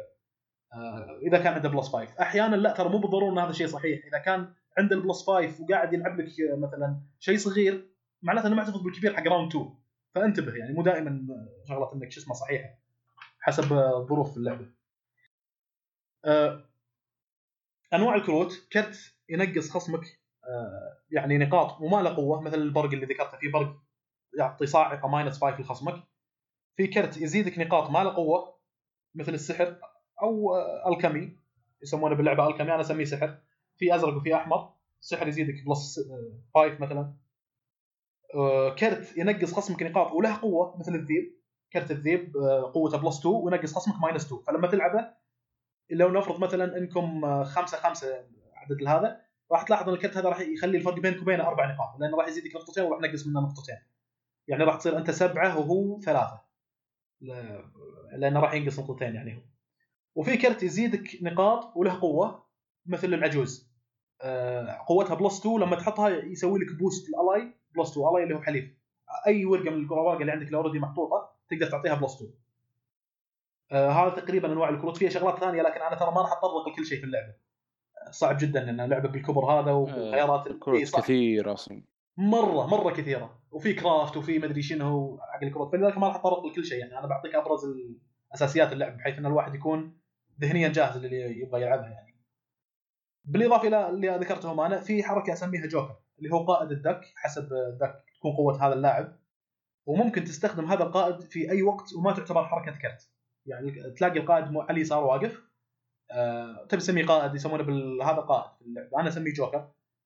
وتقدر تستخدمه بأي وقت زي ما ذكرت وما يعتبر حركة بمعنى أن الآن الدور عليك. تقدر تلعب كرت بعدين تسوي pass وتقدر بعد ما تلعب الكرت تستخدم الجوكر. آه، بأي وقت تقدر تستخدمه يعني. آه، الآن نشوف آه، شو اسمه. طبعا كذلك من الشغلات الحلوة أن الشخصيات لها أكثر آه، من voice line لما تلعب الشخصية هذه شغلات سووها آه، يعني أحد اللمسات الحلوة في كلعبة ال- كروت اللي هي Gwent إنك لما تشوف الكرت تلاقي الشخصية اللي بالكرت مو صورة يتحرك. ولما تلعبه يتكلم له له صوت يعني. مثلا يقول معها كام؟ ولا لما تلعبه مثلا يقول left right left. يعني معناته يطق خصمك طقة هنا طقة هنا طقة يسار طقة يمين. حاجة زي كذا. فلهم voice line رهيب صراحة. آه، لدرجة انه في موقع من المواقع لما تدخل يوريك كل كرت وال voice line حقه. لما تلعبه في عندك ثلاث أربع خيارات لكل كرت شنو ال voice line اللي هو يقوله. طبعا مع اللعب راح ال voice line هاي تجيك وأنت تسوق السيارة. وأنت قاعد تسوق ما حاكم تقول من جايني يعني. والله. آه نشوف ال deck الأول مثلا. آه في كرت من الكروت اسمها أو الك- الكرت الجوكر أو القائد اسمه King Foltest. شنو ال ability اللي يسوي لك إياها؟ boost ally by 1 ثلاث مرات. يعني ثلاث كروت موجودة عندك في الأرض تقدر تعطيهم boost كل واحد plus 1 plus 1 plus 1 أو نفس الكرت تعطيه تبي تعطيه plus 1 ثلاث مرات كيفك. أو تبغى تعطي plus 1 وتخلي plus 2 حق بعدين برضو كيفك. آه، أتوقع أنتم لاعبين ألعاب الكروت وعارفين الشغلات اللي مثل هذه يعني كيف إنك تقدر تستثمرها الاستثمار الأمثل. في كرت اسمه siege support هذا قوته سبعة. في في ال deck هذا اللي هو حق King Foltest قوته سبعة. كرت برونزي مثل كرت الدب اللي أنا دائما ألعب فيه قوته plus 5 ما له ability بس إنه يزيدك نقاط مثل آه، النوع الثالث تقريبا اللي قلناه اللي كرت. أو النوع آه، الثاني. كرت يزيدك نقاط وما له قوة. في كرت اسمه Reynard Odo كذلك في ال deck هذا اللي King Foltest هذا قوته خمسة وكرت ذهبي ال ability حقه whenever an allied unit with charge is played give it one charge. يعني لما تلعب كرت من الكروت اللي عندك الكرت هذا Odo راح يعطيه plus 1 يعني نفس أربعة اللي ذكرناها. الكرت يزيدك نقاط وله قوة. قوته خمسة و آه، راح يزيدك plus 1 آه، الكرت الثالث في ال deck هذا اسمه ballista. قوته أربعة كرت برونزي. آه، القدرة طق أي كرت من خصمك minus 1 أي وقت تبي. يعني تقدر في بعض الكروت لما تلعبها يقول لك طق خصمك minus 1 ولا minus 2 مو شرط إنك تستخدمها الآن. ممكن تخليها وتستخدمها بعدين. في بعضها لا لازم إنك تستخدمها الآن. فباليستا هذا تقدر بأي وقت. minus 1 مو شرط انك تستخدمها الآن. آه، شغلات مثل هذه برضو فيها مثل التخطيط الاستراتيجي إنك توري خصمك ترى أنا عندي minus 1 راح أطقك فيها. فتخليه يضطرنا يلعب أوراق كبيرة مثلا عشان يحسب حساب الطقة اللي راح تجيه مثلا. آه، كرت رابع اسمه Bloody Flail كرت برونزي. شكله عصا مربوطة فيها سلسلة مربوطة بالسلسلة كره حديديه فيها أشواك. آه هذه minus 5 لخصمك على طول. ما تقدر إنك ما لها قوة. أول ما تستخدمها راح تطق خصمك ب minus 5 طبعا كروت مثل هذه زي ما ذكرت انك يفضل ان خصمك عنده كرت already محطوط آه، في ال playground في آه، ملعبه. قوتها خمسة أو أكثر حتى إنك تستثمر الكرت هذا أكبر استثمار ممكن. عشان ما يكون عندك كرت ماينس 3 مثلا طقه بالكرت 3 قوته وطقه بماينس 5 وبالتالي يحترق الكرت عليه يروح. وماينس 2 بالنسبة لك ما استخدمته لأنها ماينس 5 طقه بالماينس 5 كامل شوف كرت فيه من خمسة وفوق يعني حتى إنك تستخدمها. كرت اسمه تريدم انفانتري هذا حال حال بلادي بيرون غيروا من هذا الكرت تقريبا ثلاثة إلى أربع مرات. غيروا مصممين اللعبة. كانت قوته plus 3 خلوها plus 4 بعد ال update آه، هم من الكروت اللي صوته مميز. آه، يقول to arms أو Tridam من الأصوات المميزة اللي لما تلعبها راح تسمعها كثير يعني. آه هذا يعني أبرز كروت ال deck الأول. زي ما إحنا شايفين في خيارات كثيرة وكمية كروت كثيرة. أنا ذكرت ترى بس خمس كروت الآن في ال deck الأول. وبذكر كذلك بشكل سريع في أفضل deck عندي شنو الكروت اللي موجودة. ومن ثم ننتقل للنقاط الثانية يعني. آه، ال deck الثاني اسمه فيلافاندريل. وهو أكثر deck صرت أبدع في اللعب فيه صراحة. اللي ألعب في البداية كثير. آه، أستخدم دكات هذا. ما ما أعرف أنواع التفكير أحيانا أو ما قاعد أستغل الجوكر أفضل استغلال مثلا في deck من الدكات أخبر اللاعب الجوكر. القدرة اللي يخليك تسويها إنك ترجع كرت من اللي موجود عندك على الأرض وتستخدم كرت من اللي موجودين عندك في ال hand فما كنت أستخدم استخدام الأمثل ولا أنا عارف متى استثمر كرت مثل هذا. متى أستخدم كرت مثل هذا؟ إذا كان هو معديني ولا إذا كان الفرق بيننا شيء بسيط. آه ليش أبى أرجع كرت؟ طيب إذا رجعت كرت نقاطي راح ترجع تنقص يعني. كرت أبو خمسة إذا رجعت لل hand راح إذا أنا 10 راح أصير خمسة راح أنقص خمس نقاط. حتى لو ألعب كرت ثاني وش استفدت يعني؟ الاستفاده ممكن إنك تلعب كرتين لانك أنا استخدمت جوكر فرجعت كرت. أو تلعب مكانه كرت هذه حركة الجوكر. ومن ثم ال round أصلا حقك أو your turn إنك تلعب كرت. ممكن تكون هذه الفائدة لكن ما أعرف إني استثمر استثمار الامثل في لافاندريل ال deck هذا صراحة هو الأكثر دك اللي قاعد أستمتع فيه وعارف طريقة التفكير وعارف أقدر أستثمر فيه. ما أقدر أقول إني كلها فوزات ترى في ال deck هذا لكن من عشر أيام أفوز بسبعة مثلا لأني قاعد أخطط صح فيه. أه طيب ما أبغى أقاطعك كذا شويتين. آه الآن أنت جالس تذكر إنه أنواع deck موجود ما تقدر تسوي deck custom والله ما أدري أنا ما رحت رحت للخيارات اللي already متاحة أمامي. في deck آه craft في في deck craft ما أبي يا أخي ما أبي أسوي شو اسمه أسوي لي كرت. ليش أسوي لي كرت؟ أنا أعلمك ليش. إذا إيه. سويت deck خاص فيك يعني زي ما تقول راح تحط الاستراتيجيه حقتك. انت إيش تبغى استراتيجيتك؟ هم دائما يوم يحطون ال deck الجاهز هذا هذا يحطون المبتدئين. انت تلعب تبدأ تجلس تجرب تعرف وش الكروت اللي ممكن تكون نقاط قوة لك وش الكروت اللي تكون نقاط ضعف لك ومن هذا الكلام. صدقني إذا استخدمت الكستم دك ترى راح تبدع أكثر. يا أخي يا أخي آه ما أنا أدري إن في شغلة مثل هذه ولا راح أتعلمها صراحة. ما ما, ما يعني ماني حريص إني أعرفها لأن بالنسبة لي الحظ جزء من اللعبة. الحظ جزء من اللعبة. يعني في هذا في لافاندريل مثلا لما تجيني مجموعة من الكروت يمكن تجيني مثلا أربع أو خمس كروت كلها عبارة عن abilities من ناحية صعق وتزيدني وكذي. وأنا أكون مخطط إني ما أبي الكروت هذه. بشكل هذا أكون مثلا آه، حظي سيء لأن ما جاني حسب الكروت اللي أنا أبيها. نفس الشيء ترى يكون للخصم أنت لما تبدأ ذكرت إن في plus 5 already موجودة عندك. إذا كانت هذه موجودة عندي هذا هذا شيء من سوء حظ للخصم. فإذا تب يعني اباخذ الكروت بقول okay أبي هذا وبي هذا وبي هذا. كذا ما صارت لعبه استراتيجية كذا صارت آه، كأني مسوي لاعب وهذه الشغلة اختلفت فيها مع عناصر كثير.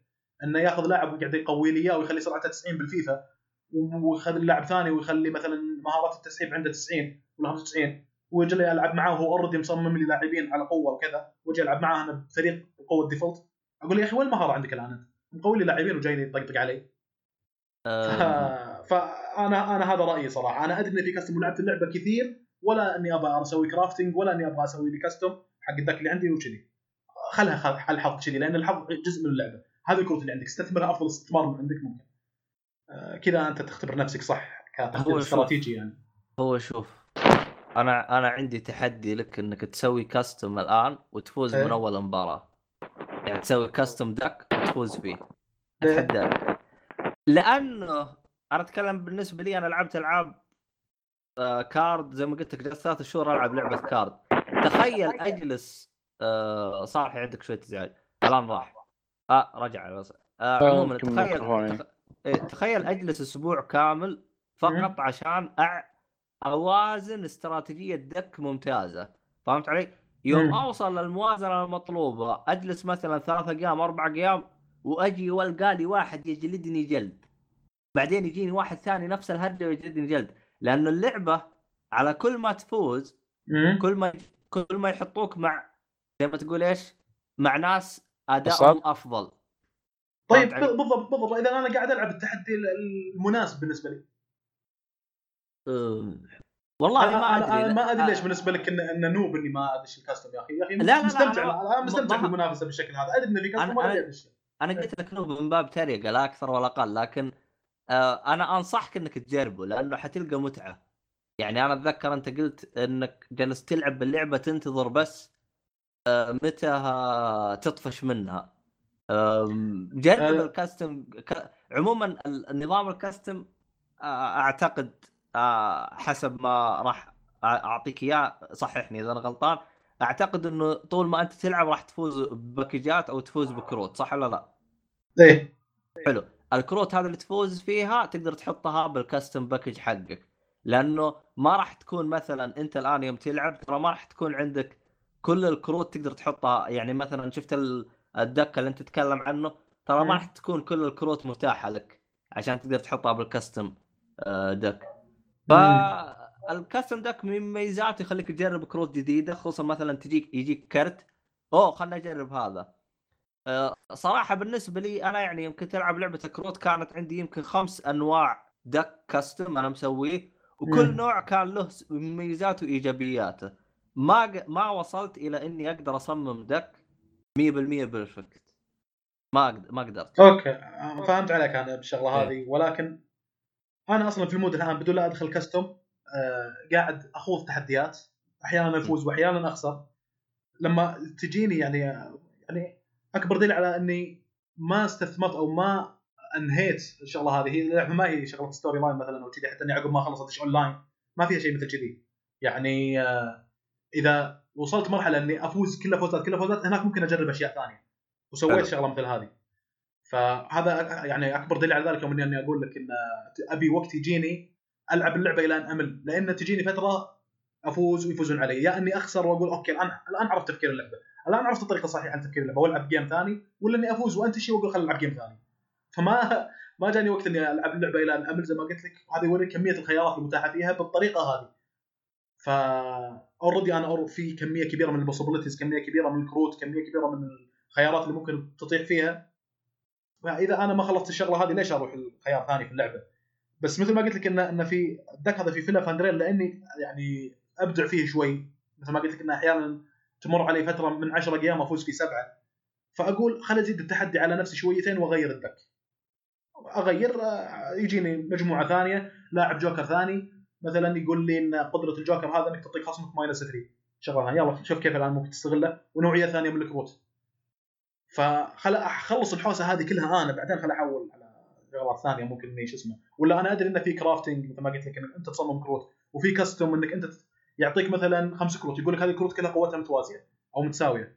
لكن واحد منهم يعطيك خصمك minus 1 الثاني قوته ثلاثة ويعطيك خصمك minus 2 الثالث قوته اثنين لكن يعطيك خصمك ماينس 4 زي كذا. لكن قوتهم متقاربة من بعض أي كرت تبغى تستخدمه تختار واحد بعدين يعطيك مجموعة ثانية. بالطريقة هذه تسوي لك يعني ذاك حسب اللي تبيه. لكن زي ما قلت لك إن هذا الخيار دشيته بس إني شفت إنه متاح لي لكني ما لعبت فيه.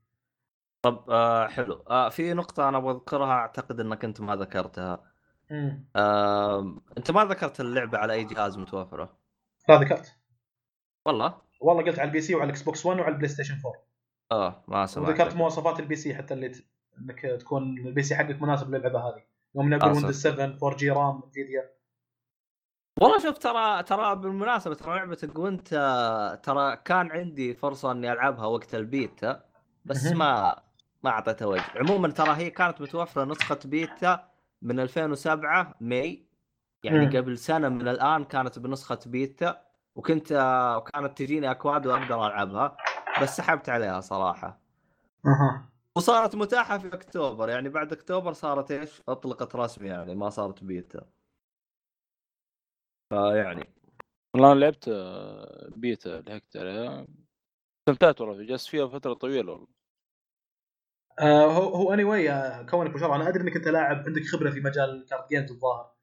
لكن من خبرتك أنت تدري إن كل واحدة في لها طريقة تفكير مختلفة. يعني مو بالضرورة ترى المفاهيم اللي أنت جتك من الع... أنت لعبت وأنت ما أدري إذا أنت لعبتها ولا لا. لكن مو بالضرورة آه، إن المفاهيم اللي جتك. إيه. اللي جتك من لعبة كروت معينة ممكن تطبقها هنا. ممكن تجي تلعب اللعبة هذه تتفاجئ بطريقة تفكير ثانية ترى.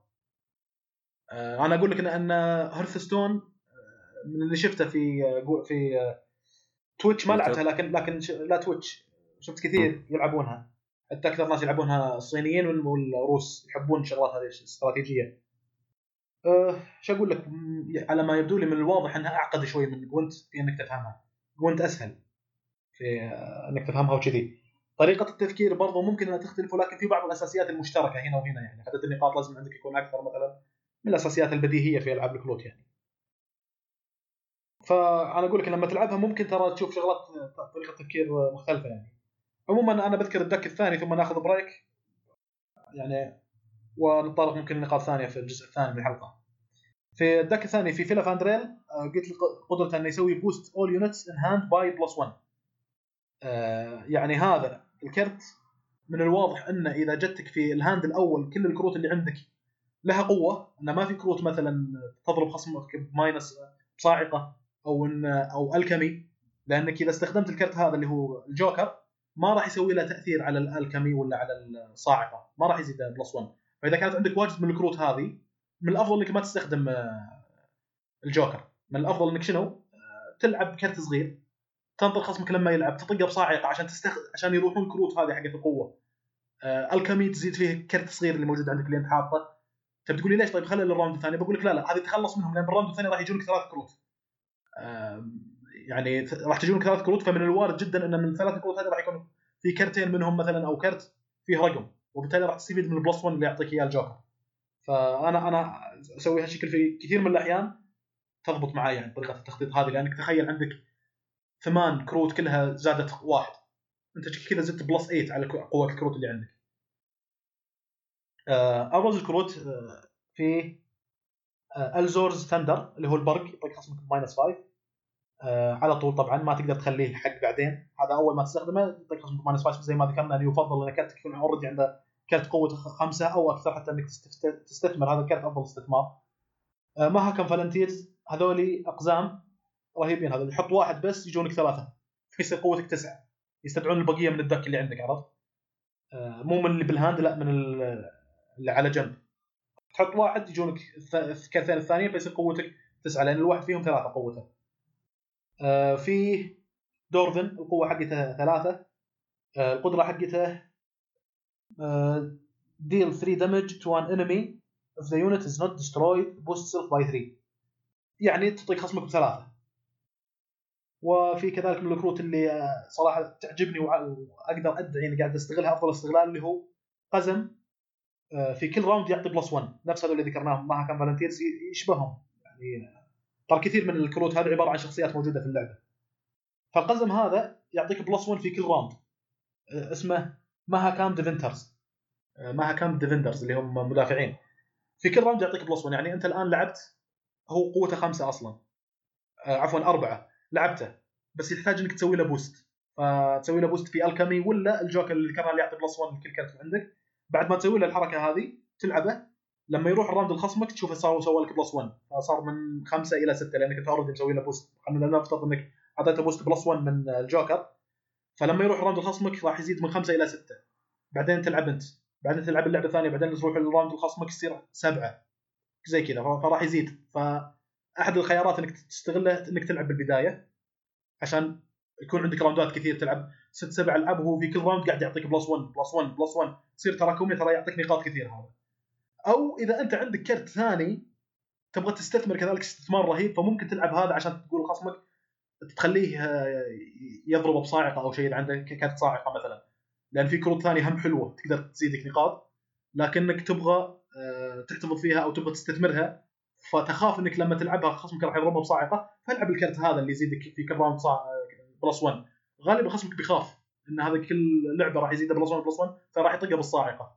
عاد آه، بعدين ممكن انك تلعب الكرت الثاني وهنا يدخل شوية مجال حظ إنه ما عنده كرت صاعقة ثاني مثلا زبنه ولا شيء أحيانا تصدف معاك إنه يكون عنده كرت صاعقة ثاني أو عنده مثلا كرت يقدر يطقك مو شرط صاعقة ممكن بعض الكروت زي ما ذكرنا إنه له قوة ويطق خصمك ب minus 2 أو يطقه ب minus 1 حسب كل كرت وكم قوة حقته.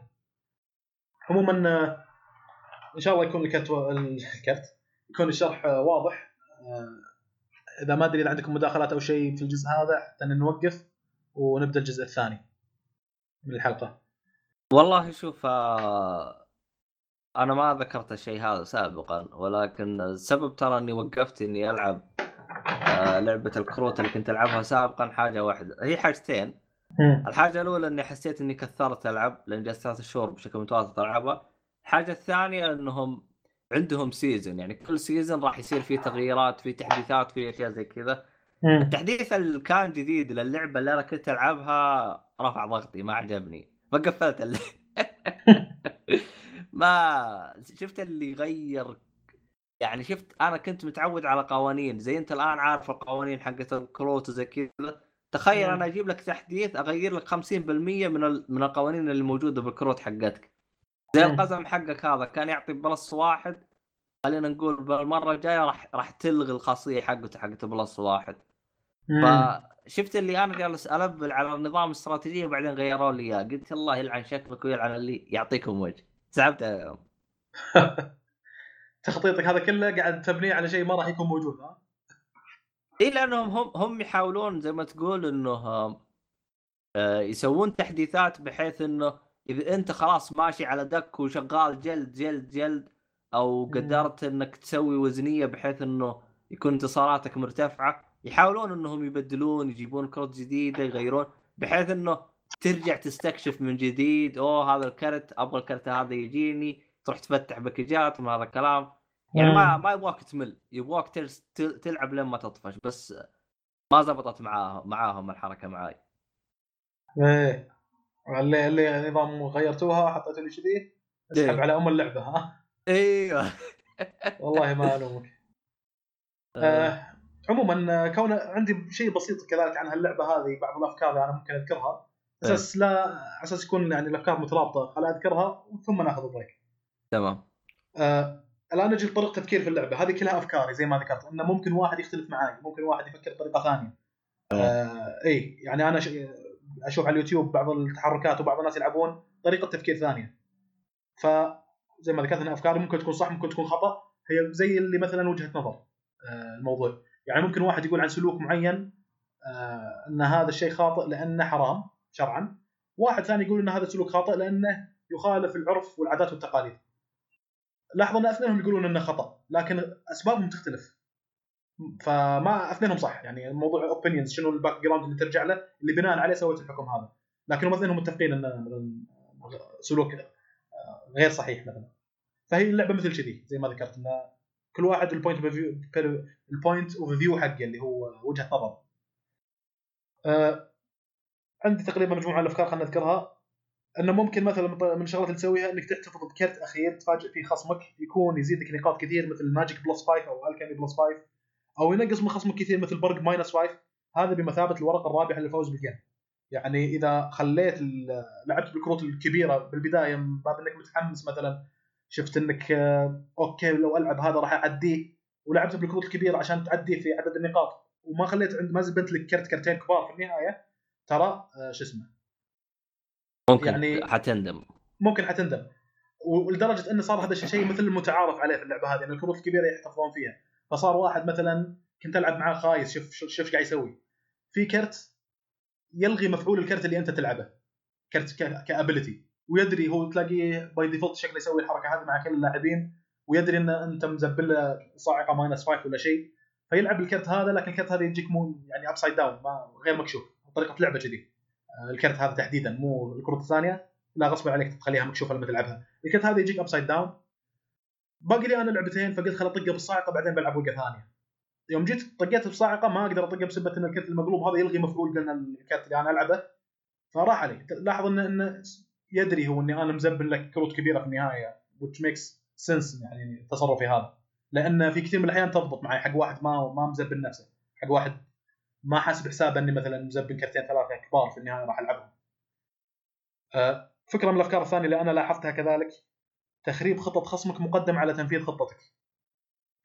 يعني مثلا الخصم يلعب القزم اللي يزيد بكل round plus 1 آه، اللي ذكرته يزيد plus 1 بعدين تلعب أنت بعدين يروح خصمك بعدين راح يزيد plus 1 في ال round الثاني. هو مخطط إن القزم حقه هذا راح يزيده plus 1 في كل round. فأنت خرب عليه الخطة هذه. قبل لا أنت تنفذ خطتك أنت غالبا راح يكون عندك خطة. لكن تخريب خطته مقدم على إنك تنفذ خطتك. خطتك نفذها بعدين لما هو يلعب كروت عادية مثلا. آه، فانا أشوف ان هذا الشيء افضل. أو مثلا يلعب كرت قوته plus 5 ويزيده plus 5 في بعض الكروت يلعب لك الكرت الكرت هذه قوته 5 وممكن يسوي boost حق أي كرت ثاني plus 5 لكن مو الان مو شرط يسوي هناك لأن في بعض الكروت ممكن إنك أنت تشوفه في عنده plus 5 محطوطه على الأرض لكن إلى الآن هو ما استخدمها. وعندك أنت الآن دورك يا إنك تلعب كرت فيه قوة يا إنك تستخدم كرت الصاعقة اللي يطقه minus 5 ويحرق كرته هذه. طقه بالصاعقه ال minus 5 عشان آه، راح تحرق عليه انت بالشكل هذا 10 خمسة اللي already محطوطة وال plus 5 اللي هم مزبنها حق بعدين. خرب الخطة حقته لأنه تلاقيه هو قاعد يخطط إني أنا بستخدم ال plus 5 هذه. لا لا خر فركش عليها الخطة هذه. والله أقدر أقول قاعدة كثر ما فركشت خطط على خصمك كثر ما ال chance راح يزيد عندك في الفوز. هذا ممكن من القواعد اللي في اللعبة هذه. آه كذلك كرت البقرة في من الكروت آه كرت بقرة. هذا ممكن يستخدم في في البداية إذا تبي خصمك يحرق نفس القزم اللي أنا ذكرته. إنه ممكن تستخدمه حتى إنك تخطط لخصمك إنه يخطط إنك تستخدمه شيء تستدرجه في إنه يحرق كرت الكروت عنده اللي فيها minus يعني اللي يقدر يطقك فيها. فلما تلعبه هو بيعتقد إنك okay الآن هو على باله إني راح أخليه. طبعا ليش كرت البقرة هذا كويس؟ ومع إنه قوته واحد. لكن هذا لما يجي اللعب عندك راح تقدر تحوله إلى شورت. شورت قوته plus 10 شيء كبير يعني. فممكن إنك تلعب كرت البقرة لأن عندك أنت خطة ثانية. تبغى هو يحرقها وبالتالي تنفذ خطتك الثانية بعد ما هو يستخدم كروت الحرق اللي عنده يعني. آه. بعدين من الأفكار كذلك اللي ممكن تستخدمها باللعبه هذه وزع الكروت اللي تعطيك boost مثل ال alchemy اللي ذكرناه الأزرق والأحمر. وزعها على الأوراق اللي عندك. لأنك إذا استخدمها على كرت واحد مثلا خلينا نفرض كرت واحد سويت له boost من كذا مصدر من ال alchemy من الجوكر اللي عندك. وصلته plus 20 plus 20 مثلا تصير أحيانا. ترى ممكن خصمك بكرت واحد ينسفه. في كروت مثل كذي. قوة الكرت هذا إنك تنسف كرت واحد من خصمك. فعشان لا تنحط بالموقف الخايس هذا وزع القوة حقتك على أكثر من كرت وعلى أكثر من row. اللعبة فيها تلعب فوق وتلعب تحت. two rows أول كانت ثلاثة بعدين صارت آه، اثنين الآن. آه، أنا لعبتها ترى قبل فترة يعني قبل سنة يمكن. كنت لا والله قبل ست شهور خلينا نقول مثلا رمضان الماضي تقريبا. لعبتها كانت بطريقة ثانية اخراج اللعبة غير وكان في ثلاث three rows آه الآن يوم جيت ألعبها قال لي تحتاج تسوي update بعد ما سويت ال update صارت لي اللعبه باخراج مختلف. آه حتى الأرضية اللي تلعب عليها مختلفة إلى الأفضل طبعا. وصارت two rows بدل ما كانت 3 يعني. يعني صارت أسهل ولا صارت نفس الشيء ولا؟ لا والله مو أسهل. صارت أعقد خلينا نقول بشوي. آه والتخطيط كمية التخطيط صار فيها أكبر. يعني أول شيء أقول لك مثل اللي شغلة واضحة تلعب هذا يزيد نقاطك تطق خصمك. بعدين يلعب هو يزيد نقاطه ويسوي boost الكارت الثاني. كانت مثل شيء تقريبا. الآن لا. آه، تلعب هذا وتسوي boost وتحتفظ بثلاث نقاط حق بعدين. هو يسوي كذي ويحتفظ ويلعب الجوكر وعنده already على الأرض كرت ممكن إنه يحرق كرت من كروتك.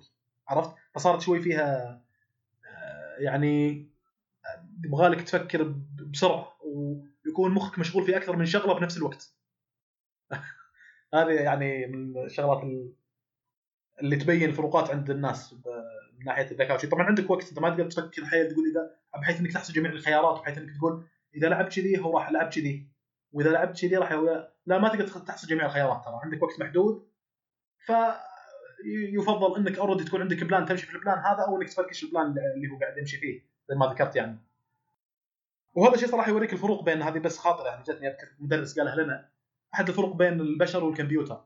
يقول ترى البشر إحنا كبشر ترى أذكى من الكمبيوتر. لكن الكمبيوتر أسرع بكثير. يعني ممكن يحصل لك اللوغاريتمات وال possibilities بسرعة خيالية يعني مو خيالية بس سرعة كبيرة جدا. أنت كبشر ممكن إنك صعب انك إنك تسوي الشغلة هذه.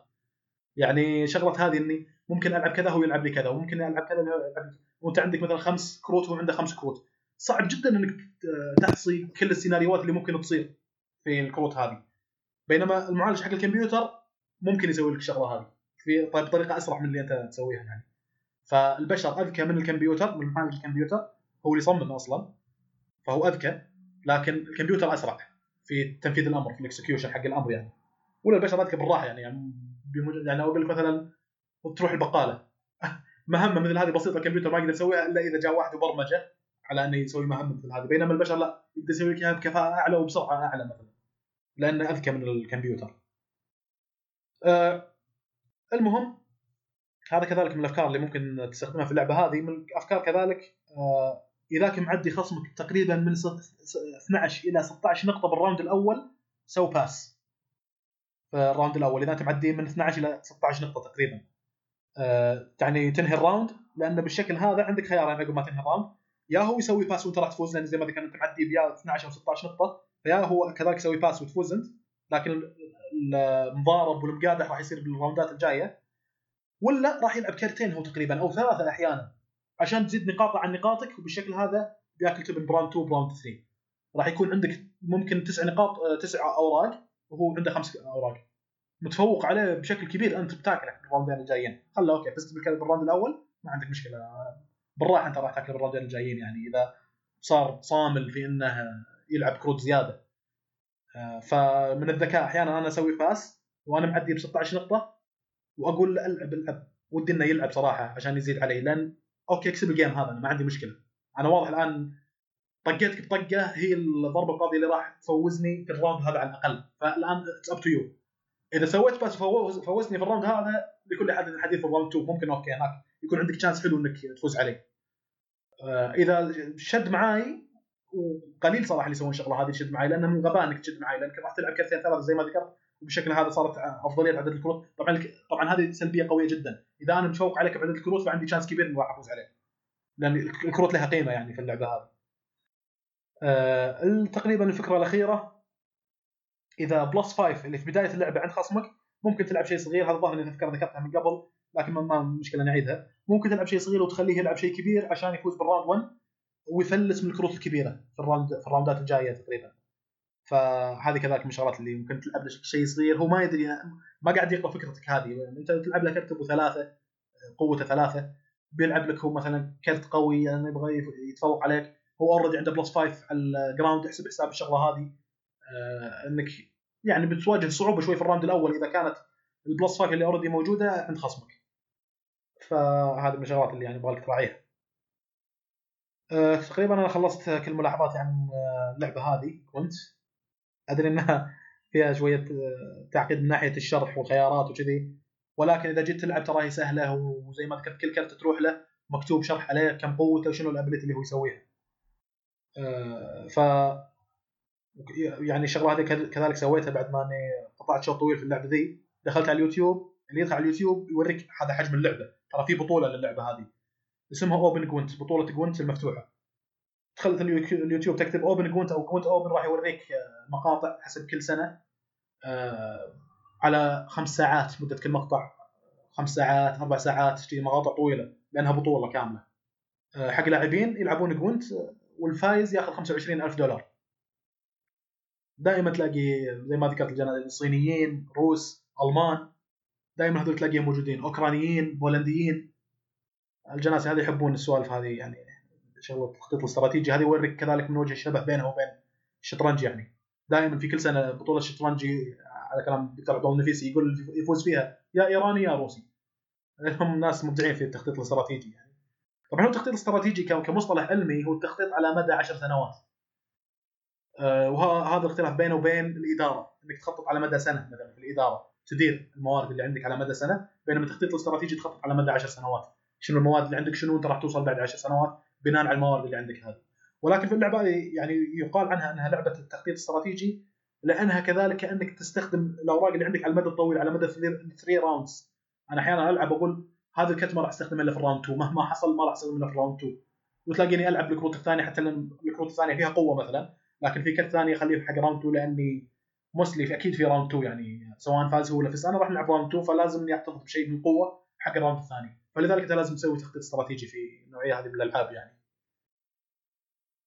آه ما أدري إذا عندكم بعد شيء ولا ناخذ break آه ناخذ break لأن ما ما براسي شيء عشان أقاطعك فيه. طيب طيب ناخذ break ونعود لكم إن شاء الله.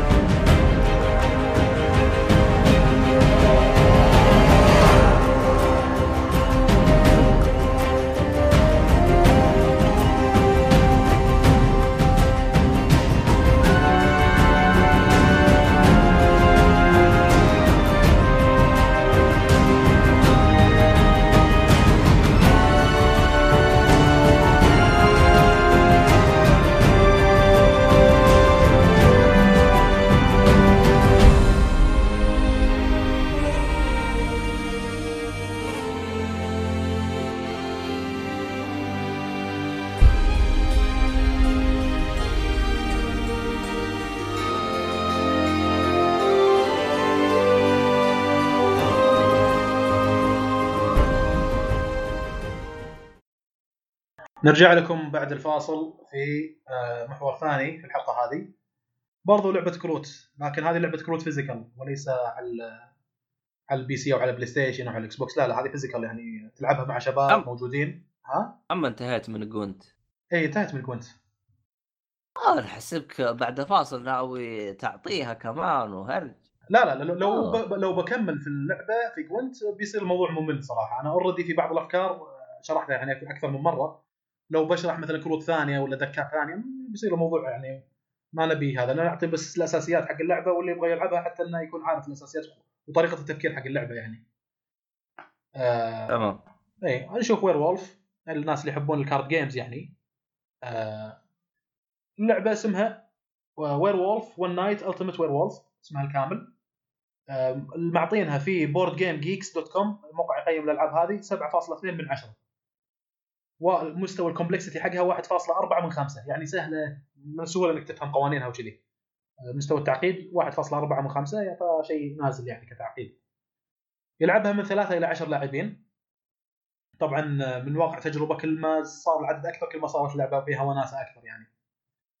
اللعبة فيها فريقين villagers وفريق werewolf الهدف إن ال villagers يصيدون فريق ال werewolf بس. هذا هدف من ال villager فريق ال werewolf هدف إنهم ما ينصادون بكل بساطة. آه، من خلال نقاش طب- طبعا يصير الشغلة هذه من خلال نقاش يحاولون ال villager إنهم يصيدون من ال werewolf. فنشوف الكروت اللي موجودة في اللعبة هذه. في كرت ال werewolf اللي هو الذيب هذا موجودة في كرتين موجودة في ال deck يعني. آه، وأول شيء خلينا نذكر الكروت بعدين راح نذكر التحركات حق كل كرت. werewolf زي ما قلنا كرتين بعدين في seer بعدين في troublemaker راعي المشاكل. بعدين في robber اللي هو الحرامي بعدين في insomniac اللي هو السهران وفي ال drunk اللي هو السكران و villager القروي و doppelganger آه هذا كذلك ترى أنا قاعد أشرح أساسيات اللعبة لأن اللعبة فيها أكثر من نسخة أصلا. في آه werewolf vampire وفي werewolf daybreak تقريبا أربع آه نسخ لها غير ان فيها updates أصلا ينزلون لك شغلات جديدة مثل سعودي ديل تقريبا اللي آه، ينزلون لك فيها شغلات جديدة يعني. آه، كروت جديدة وافكار جديدة لزيادة آه، المتعه في اللعبة. نشوف الآن آه، إيش اللي يصير يعني.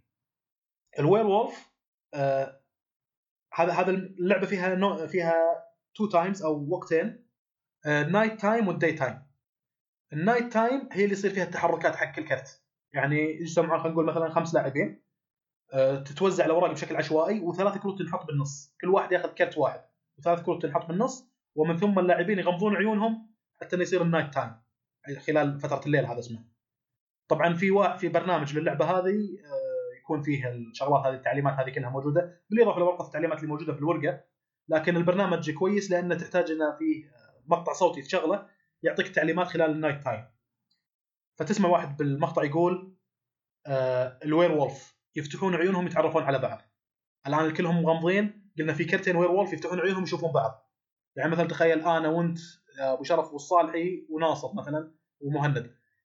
نفتح عيوننا نلقى أنا وأنت werewolf؟ الباقي الشباب مسكرين عيونهم عرفت؟ تمام. فهذه الحركة الأولى. بعدين نغمض عيوننا. بعدين ال seer. آه ب... لا بعدين آه troublemaker الحركة الثانية. عفوا ال seer. آه الحركة الثانية. ال seer يا إنه يشوف كرت لاعب ثاني أو كرتين بالنص. برضو الناس كلهم مغمضين عيونهم. ال seer بس يفتح عينه ويشوف مثلا ورقتي راح يعرف إن أنا werewolf عرفت؟ وهو كونه قروي فراح يعني ممكن يقفطني بعدين.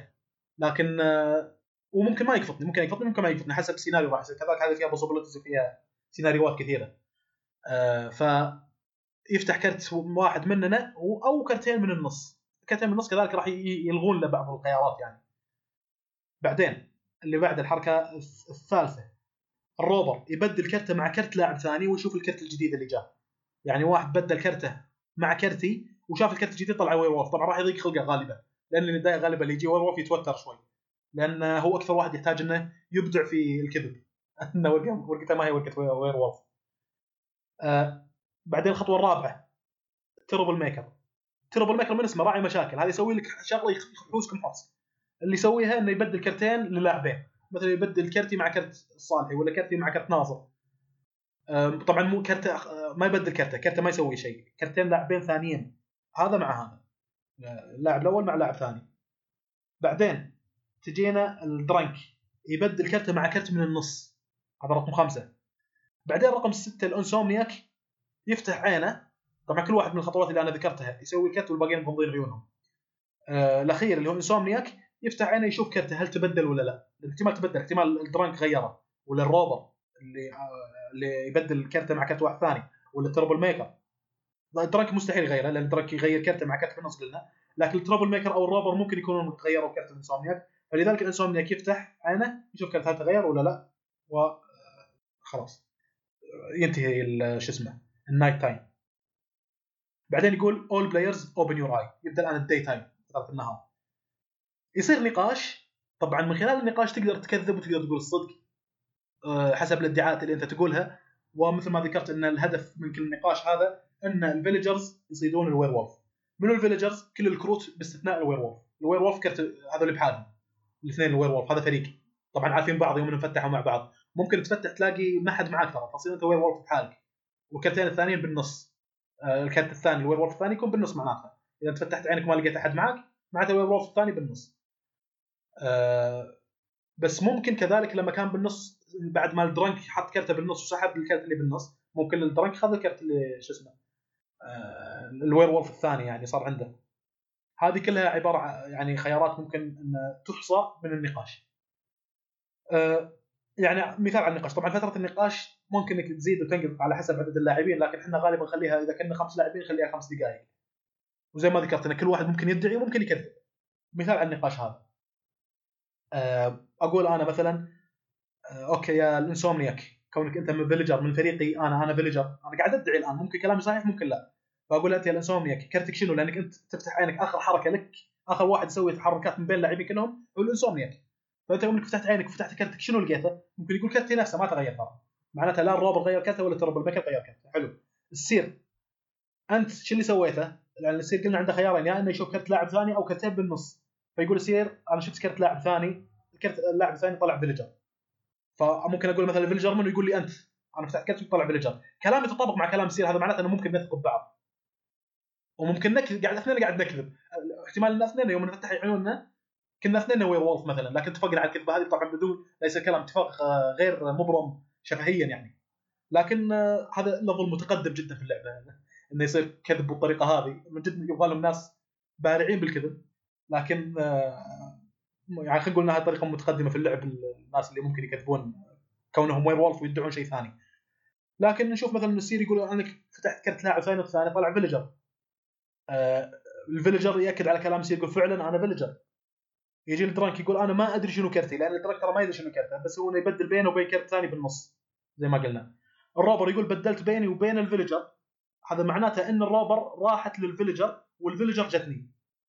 لأن أنا إذا مثلا آه أنت ال robber وأنا ال villager أنت تقول أنك بدلت كرتي مع كرتك وفتحتها لقيت إنها villager لأن ال robber بعد ما بدل كرته مع كرت واحد ثاني راح يكشف الكرت الجديد اللي يشوفه فكشفت كرتك أنت لقيتها villager أنا ما راح أكشف كرتي طبعا لكن هذا معناته ضمنيا ان كرتي robber كونك أنت بدلت كرتك مع كرتي. فهنا كذلك شو اسمه ممكن يجي واحد ثالث مثلا يصدق على كلامه. بالنقاش هذا راح يبين. إذا صارت ثلاث ادعاءات كلها تقول نفس الكلام غالبا ترى قاعد يقولون الصدق. إذا ثلاثة قالوا نفس الكلام ما قاعد يكذبون يعني. الاثنين ممكن تشك فيهم شوي. إذا كان ممكن يكونون اثنين werewolf وقاعد يسوون سيناريو آه إنهم يكذبون علينا يعني قاعد يدعون هالكلام هذا. لكن إذا ثلاثة كانوا يقولون نفس الادعاءات غالبا إنه آه، شو اسمه طبعا أنا قاعد أستخدم كلمة ادعاء كونه ممكن الكلام هذا صحيح ممكن كذب. آه ف آه، هذا ال robber مثلا ال troublemaker يقول بدلت بيني وبين بيني وبين ال insomniac. وال drunk كذلك ممكن آه، يعني يقول إن أنا drunk وبدلت بين آه، ال card اللي أنا موجود عندي مع كارت بالنص وممكن آه، يكون كذاب. كل هذول يعني ذكرتهم قبل شوي كلهم كان ممكن يكونون ادعاءات كذابين مو, مو هذا. لكن يعني ممكن ال villager يكذبون لسبب يعني. ما يعني غالبا أنت ك villager تحاول إنك تتفق مع ال villagers الثانية عشان تصيد ال werewolf. فممكن ال villagers الثانية يكذبون يضيعونك أكثر.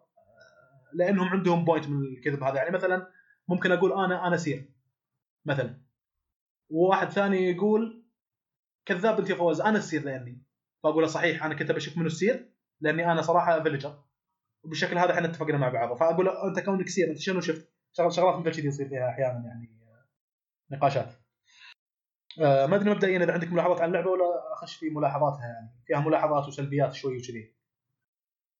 والله أنا لعبت لعبة زي كذا أونلاين مع الشباب جالس أحاول من اليوم أتذكرها وش هي لعبة إيه. فلاش نفس أها. طريقتك إنه فيه مثلا واحد يقتل البقية ونفس هرجتك يجي الليل ويجي النهار وش تبغى وش تسوي في شريف اللي هو المفروض يقبض على هذاك آه مم. طبعا الوير وولف راح يجلس يقتل واحد واحد وتحاول أنت تعرف مين اللي بيقتل. طبعا إذا انت ما ما جبتها صح راحت عليك.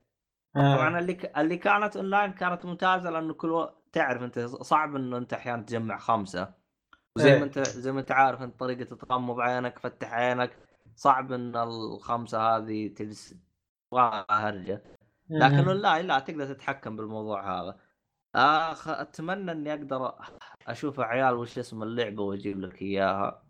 عشان okay. تشوفها نفسها ولا هذا هذا ملاحظتك صحيحة. يعني هذا ممكن أعتبرها إن اللعبة فيها جلتش مثلا هو إنك تحس بتحركات اللاعبين اللي جنبك. يعني مثلا يوم إن اللي يتكلم هذا بالبرنامج يقول السير فتح عينك وشوف ورقة لاعب ثاني أو شوف ورقتين من اللي بالنص.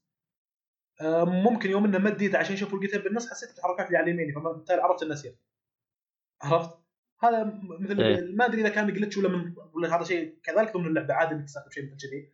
لكن من واقع تجربة أنا أشوف أفضل طريقة ممكن تلعب فيها هذه اللعبة شفت ناس على اليوتيوب يلعبونها إنها تكون على طاولة دائرية ويكون الورق على شيء يعني إنك ما تشيل الورقة من الأرض لا يكون على شيء رافع الورقة شوية حيث إنك تمسك الورقة على طول آه شيء رافعها يعني stand حق الورقة أو شيء بحيث إنك تمسكها كأنك ماسك كوب ولا شيء كذا يعني ما لما تشيلها من الأرض ممكن تطلع صوت وبالتالي آه، تعرف منه اللي آه يعني يعني مم. يعني هو أفضل طريقة إنك تلعبها لازم يكون المكان يكون شوي أفضل ما هو الوضع مربع ولا حوزة اي ولا. تراعي المكان هو أفضل شيء، إحنا كنا نلعبها أحيانا نكون قاعدين فكانت تصير شغلات مثل هذه صراحة انه واحد مثلا آه عشان ينقل التربل ميكر عشان ينقل كرتين يبغى ينقل طيب كرتين لاعبين شوي بعيدين عن بعض خاصة إذا كنا عدد. والله كنا نلعبها أحيانا نوصل سبعة.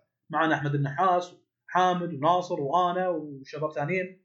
فكنا وايدين شوي. فإذا واحد من الشباب يبي ينقل كرتين بعيدين تسمع وهو يوم يوم انه قاعد ينقل كرتين طقت يده مثلا أو رجله مثلا عشان ينقلهم. فهذه يعني آه، راح يصير إذا كنت تلعب وأنت قاعد على الأرض. لكن إذا كنت قاعد على طاولة زي ما ذكرت خاصة إذا كانت طاولة دائرية وصغيره تكون طاولة دائرية. كبيرة تكون صغيرة بحيث إنك تقدر تطول كل الكروت وأنت قاعد. يكون الوضع آه، جدا مناسب. يعني هذا الجلتش أتوقع أنه وصلته للمينيموم يعني ما راح يكون قضية بالنسبة لك. تمام. ملاحظة ثانية انه ممكن أحد يخرب إنه ما يتبع التعليمات لكن غالبا هذا شيء راح ينقطع نفس واحد من الشباب سواه يقول يوم إنه قال آه، الروبر فتح عينك وبدل بين كرتك وبين كرت واحد ثاني يقول فتحت عيني لقيت واحد من الشباب فاتح عينه. قاعد يضحك. عقب ما خلصنا قلنا له والله معلش يا فلان آه، ما ما, ما تلعب يعني كان يخرب لأنه. ما أدري لأن اللعبة كانت بالإنجليزي ما كان يفهم. ما ولا إنه يحب يخرب. هو أحيانا يحب يخرب شوي هذا الشخص فطلعه من اللعبة. لكن في. سيناريوهات شو نسوي؟ قاعد يخرب نبي نلعب. أنت تحتاج تلعب مع ناس محترفين اللعبه مثل هذه. لأنك تبغى تعتمد على العناصر الأساسية اللي تطلع لك ال werewolf ك villager شنو العناصر الأساسية؟ منطق احتمالات آه، ممكن قياده قيادة شوي لأن واحد يقود الحوار وهو اللي يقول شنو كرتك يا فلان شنو كرتك يا فلان شغلات مثل هذه. لكن منطق وهذا أكثر مهارات تحتاجها في انك تلعب لعبة مثل هذه. المنطق والاحتمالات. فهذا ما قاعد يخلينا نستمتع بالشكل هذا. يعني قاعد يخرب شوي يعني. أو ما قاعد يتبع التعليمات عرفت؟ يعني طردناه بأسلوب محترم يعني لكن هو ما سوى شغلة مثل هذه الا إلا أنه ما وده يلعب يعني. ما له خلق يلعب. الظاهر اجبروا الشباب أو شيء. آه، عموما هذا الشغل لكن كان ممكن يخرب ترى بدون لا أحد يحس فيه. شلون؟ يعني لو لو نفترض مثلا انه قال ال werewolf افتح عينك وشوف لعب ثاني. ويكون ال werewolf كرت عندي وكرت ثاني بالنص. وفتحت عيني ولقيت الأخ الحبيب فاتح عينه. راح أتوقع إنه هو ال werewolf. عرفت؟ بشكل هذا صح. خرب بدون لا أصيده فهذا كذلك السيناريو كان ممكن إنه يصير يعني لكن زي ما ذكرت في حالتنا إنه انقفط ففي في حالات كثيرة ترى راح يقفط فيها أغلب الحالات في حال في السيناريو ال werewolf زي ما ذكرت أنا okay آه، يمكن ما راح ينقفط في بسيناريوهات بسيطة مثل شغله ال werewolf مثلا بس إنه ال- ال- ال werewolf غالبا اثنين يعني ما يكون ثلاثة صح؟ لا ما في ثلاثة يا اثنين يا واحد أيوة. إذا كان الكرت الثاني بالنص أنت أنت دائما في أي حال من الأحوال لما تلعب كرت كرتين werewolf راح يكونوا موجودين ضمن ال deck. سواء كنتوا خمسة ولا ستة كرتين werewolf لازم يكونوا موجودين أساسيين ثابتين عرفت؟ الثانيات ممكن يختلفون. ترى في شغلات أنا أنا يعني ما أنا قلت إذا بذكر الأساسيات مثل ال doppelganger اللي يأخذ الدور اللي هو يشوفه. ال doppelganger يفتح عينه يفتح أي كرت بشكل عشوائي. إذا طلع ال drunk يسوي الحركة اللي يسويها ال drunk اللي هي إنه يبدل كرته مع كرت بالنص إذا طلع ال seer يسوي الحركة اللي يسويها ال seer وهو إنه يفتح كرت لاعب ثاني أو كرتين من النص. زي كذا. وفي كرت مثلا اسمه mason هم من الشغلات هذه بس إني ما ابي اعقد اللعبة أنا بعطي بس الشغله الاساسيه منها البسيطه ففي كل الحالات في كل آه. عدد الألعاب في كل عدد اللاعبين كرتين werewolf هذول الأساسيين لازم يكونوا موجودين طيب آه، كم آه، يعني عدد اللاعبين من كم لكم تكون؟ من ثلاثة إلى عشرة هذا آه. العدد آه. ال- إيه بس زي ما قلت لك أنا كل ما زادت كل ما راح تزداد صعوبة وتزيد المتعة طيب إذا كانت ثلاثة كم يصير فيه وير وولف؟ واحد آه لا ثلاثة يكونون زي ما قلت لك إنه في ثلاث كروت ترى بالنص. آه فيكونون في ثلاث كروت وثلاث كروت زيادة حق كل واحد له كرت فيصير ال total ست كروت. كل واحد ياخذ كرت وممكن يطلع واحد ممكن يطلع اثنين. يقعدون يستهبلون يحاول يصيدهم بس طيب إحنا ما قد لعبناها ثلاثة ترى ما قد لعبناها. لأن. إيه. اذا إذا ك... إذا كنتم عشرة يصير كل واحد معاه كرت واحد بس اي كل حالات كل واحد عنده كرت واحد. سواء خمسة سواء ستة كل واحد في كل الحالات يكون عنده كرت واحد. بس ثلاثة وضعها مختلف حتى ثلاثة يكون عندك كرت واحد. طب ليش تقول يكون عندك كرت ثاني مدري شكله؟ ما في كرت ثاني ما قلت لك في ثلاث كروت بالنص وكل واحد يكون عنده كرت. واحد هذه دائما في في أي حال من الأحوال سواء لعبت ثلاثة خمسة ستة إلى عشرة هذه دائما ثابتة كل واحد عنده كرت واحد وثلاث كروت بالنص كذلك من الشغلات الثابتة إنه يكون في كرتين werewolf بس هذه شغلات شغلات تقريبا ثابتة. الشغلات المتغيرة هي الكروت الثانية. يعني مثلا في دك من الدكات نبغى نطلع مثلا الدرنك وندخل مكانه ميسون عرفت؟ لأن في دك يجيك يمكن 15 ورقة أو حاجة زي كذا. تمام. اي عشان لأن 15 وقع عشان تشيل 10 لاعبين. لأن كل واحد كل لاعب من 10 لاعبين راح يكون عنده كرت وثلاثة يكونون بالنص. لا يمكن في كرتين زيادة يعني راح يكون. 13 كرت يدخلون كرتين زيادة يكونون على جنب. فطبعا هي تفاصيل الشغلات هذه كلها تكون موجودة على النشرة يعني ما هي صعبة. يعني إذا كنتوا سبعة راح تشوف موريك الصور إذا كنتوا سبع لاعبين معناته كرتين werewolf إلزامي وكرت seer وكرت troublemaker وكرت كذا. هذول إلزاميين شيء زي كذا. طيب إذا كنت أربعة يوريك كذلك شنو السيناريو اللي الكروت اللي راح تحتاجها عشان تصيرون أربعة. وما هي صعبة آه. صراحة يعني هو. أعطيك السيناريو من ثلاثة إلى عشرة فقط امشي بالتعليمات. بس تمشي بتعليمات وسهلة يعني مش صعبة التعليمات هذه. النشر شو أقول لك؟ كبرها كبر حجم ورقة A4 بس إنه مو مو بنفس الحجم. أنا قاعد يعني هي اللي تجيك طوالية كذا زي المطوية. آه، ويوريك فيها كل دور شنو الدور شنو كل كرت وشنو الدور اللي يسويه شنو الرول اللي يلعبه ومن هالكلام يعني شرحها سهل صراحة. زي ما قلت طب أنت complexity 1.4. خلصت النقاط حقتك عن اللعبة لأني أبغى باقي- باقي. اسالك باقي آه، نقطتين. طيب آه، كذلك من الملاحظات إنه أحيانا يصير تضارب في طريقة التفكير بسبب وهذا الشيء يسبب نقاش حاد. إنه ممكن يصير تضارب في طريقة التفكير. وهذا الشيء اللي خلاني آخر مرة لعبت فيها مع الشباب صار نقاش بيني وبين واحد من الشباب ارتفع فيها الصوت. بعدين صرت ما العب أنا ما أدري يصير يلعبونها ولا لا لكن الله أعلم لأنها ركنت على جنب صار لها فترة وكل ما أجي الديوان ما أشوفها موجودة.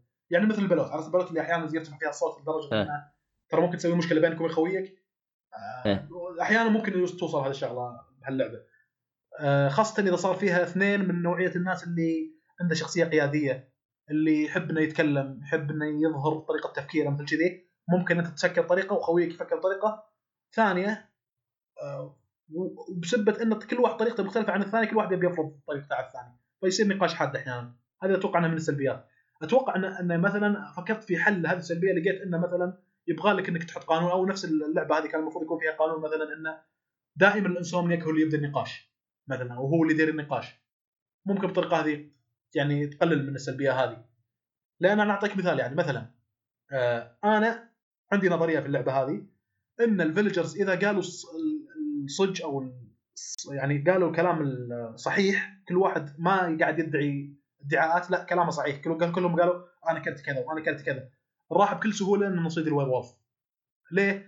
لأن آه راح يصير موافقات راح يقول ال seer مثلا أنا شفت كر- كرتي ال seer راح يقول أنا شفت كرت فواز طلع كرت فواز مثلا robber. أنا راح أقول له كلامك صحيح أنا كنت robber. فاتفقنا مع بعض زي ما ذكرت أنا قبل شوي ان في سنوات نتفق مع بعض هذا معناته ان ممكن نثق في بعض. طيب يا فواز كونك robber غيرت كرتك مع كرت مين؟ لأن robber هذا الدور اللي هو يسوي كرت غير كرته مع كرت ثاني. ابى أقول له والله غيرت. كرتي مع كرت الصالحي. شنو الكرت الجديد اللي سويته؟ لأن كنت لما تغير كرتك راح تفتح الكرت الجديد راح أقول لك الكرت الجديد اللي فتحته villager صراحة يقول لي صحيح الكلام صرنا ثلاثة. هنا هنا قاعد يرتبك ال werewolf ما هو عارف عرفت؟ تخيل. نظريتي هذه اللي أنا قلتها الآن إلى الآن ما قدرت أثبت هل هي صحيحة ولا لا لأن الشباب ما هم راضيين يمشون مع ال plan حقتي. يا شباب ودي ودي ثلاث راوندات ورا بعض تمشون على نظريتي بس حتى أشوف هل هذه النظرية صحيحة ولا لا. لا يطلع- كل واحد يطلع لك plan غير عن الثاني يعني يقدر يبي من خلاله يحلم عشان يقبض ال werewolf. طيب كذا ما صرت فريق كل واحد عنده plan. كأنك فريق وكل واحد عنده مثلا خطة في طريقة مثلا طالعين مخيم كل واحد عنده خطة في طريقة إنه نصيد حيوان مثلا.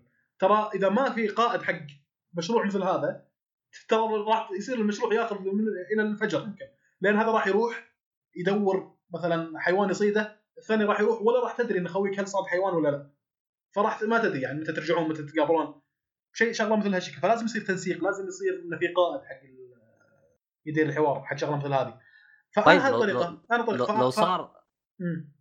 لو صار تنسيق 100% راح تصيد الولف على طول. فهنا حالاتها إنه عشان ما تصيد بسرعة. أنا ما قدرت أثبت أبو شرف أقول لك مو شرط ممكن ما ينطبق كلام لأني أنا مرة من المرات قاعد هذا المرة اللي صار فيها النقاش هذا قاعد أقول لك لو كل واحد يقول الصدق راح نعرف بعض. أنا الآن قاعد أقول لك إني insomniac وشفت كرتي ما تغير.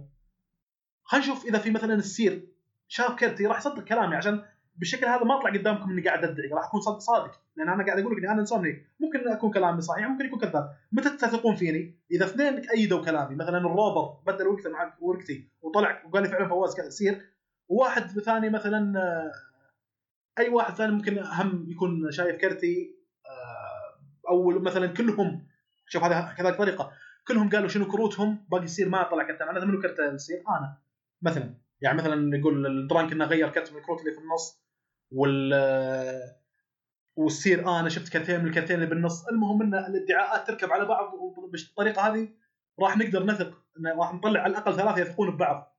وبالشكل هذا راح راح نحقق لل werewolf المهم إن أنا كنت أشرح له الطريقة هذه فكان يقول لي لا طريقتك غلط. قلت له ليه؟ إحنا إحنا ما قاعد نطبق ما قاعد نضعها موضع التنفيذ الآن عشان تقدر تثبت إن طريقتي غلط. قال لي لأنك أوكي أنت الآن insomniac يلا وين الثاني جالس اللي بيخطئ؟ قلت قلت له مو هذا اللي أنا قاعد أعاني منه. الثاني ما هو راضي يتكلم ما هو راضي يقول الصدق. وال robber ما هو راضي يقول الصدق مع إنه معاي بنفس الفريق villager ال troublemaker ما هو راضي إنه يتكلم. على آخر دقيقة والله إنه في كثير من من الألعاب في خمس دقائق وقت النقاش على آخر دقيقة يبدون الناس يعترفون. أنا كذا ثاني يقول أنا كذا ثاني أنا... وبعدين راح نقفط ال werewolf قاعد أقول لهم طيب أنا من البداية قاعد أقول لكم الكلام هذا. ليش إذا أنا جيت اقيد الحوار وأسوي الكلام هذا ما قاعد تمشي على كلامي؟ صفت ما ما قاعد ما يعني يوروني شو اسمه يعني المشكلة ما بيعطي أقول لك إنه إحنا للأسف فينا الشغله هذه ما حد يبغى ينظر لك أنا أنا. أحسك ولكن أنا- ولكن في أحيانا زي ما قلت لك انه على آخر دقيقة كل واحد يعترف بالذات فريق ال villager وفعلا نقفط ال werewolf وفي أحيانا انه مثلا أنت تقول طيب ليش يكذبونهم من البدايه؟ أنا أقول لك لأن عنده طريقة ثانية هو يبغى يقفط ال werewolf غير طريقتي. شنو هي مثلا؟ إنه يقول آه، إنه يقول مثلا يدعي إنه آه، seer وهو مو seer هو مثلا آه، villager هو فيدعي إنه seer ويقول أنا كشفت ورقة فلان وفلان. فهذول الاثنين واحد منهم werewolf؟ فهو يقول أنا أنا مثلا ناصر. ناصر ترى ما شاء الله عليه رهيب في اللعبة هذه يعرف كذا آه، اللي يعني في ناس ما شاء الله باللعبة هذه يقول لك كلام خلاص تثق فيه بسبب ال body language بسبب الطريقة اللي قاعد يقولها وطريقة التحليل. تالي بعد ما تخلص هذا تشوف اثنين يقولوا للثاني كفك هذول الاثنين werewolf طلعوا تطلع عليك علامة تعجب عرفت؟ تحس كلهم مغفلين وهذول werewolf وحبكوا وكذبة مع بعض يقدروا فيها ياخذون شو اسمه. المهم فمثلا ناصر من الشغلات اللي سواها إنه قال أنا seer وكشفت ورقة عثمان وكشفت ورقة حامد. آه قلنا له شنو شنو اللي طلعوا؟ فقال عثمان طلع آه، ظاهر vil- villager أو حاجة زي زي كذا قال. فقال عثمان صحيح أنا villager.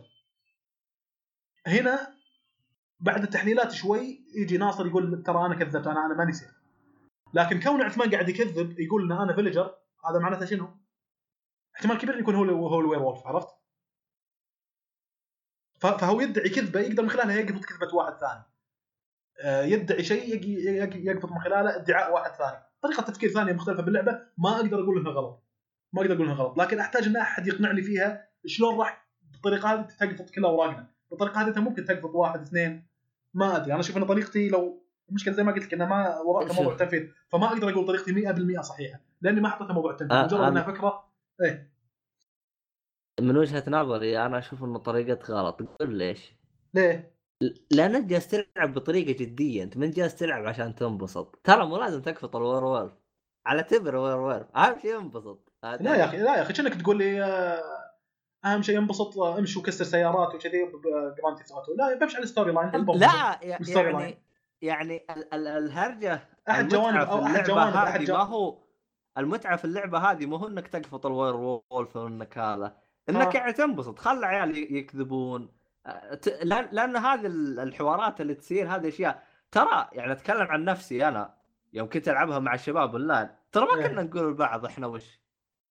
كنا نكذب. يا أخي يا أخي آه، يعني أنا أحد جوانب المتعه قلت عشان تستمتع. طيب أحد جوانب المتعه إني أتعلم شيء جديد. أتعلم طريقة تفكير logic هي كلها على عبارة عن لوغاريتمات طبقها راح شو اسمه؟ فاحد جوانب المتعه إني أتعلم. لا لو لا لو لا لو, لو عرفت لو منظم. عرفت. لا يا, أخي أبا أبا ما قاعد أقول لك غلط. أنت أمشي بشكل عشوائي لكن خليني أتأكد إن طريقتي صحيحة وبعدها كذبوا مني الباكر. بس خل طبق طريقتي مرة مرتين بس. والله العظيم. يعني يعني أنت تقول لي لا تصير لي ديكتاتوريا يا فوز تنفذ آه، يعني قوانينك علي في انك تبغى الكل يقول الصدق وانت نفس الشيء لا ديكتاتوريا تطبق قوانينك علي في ان الكل يكذب.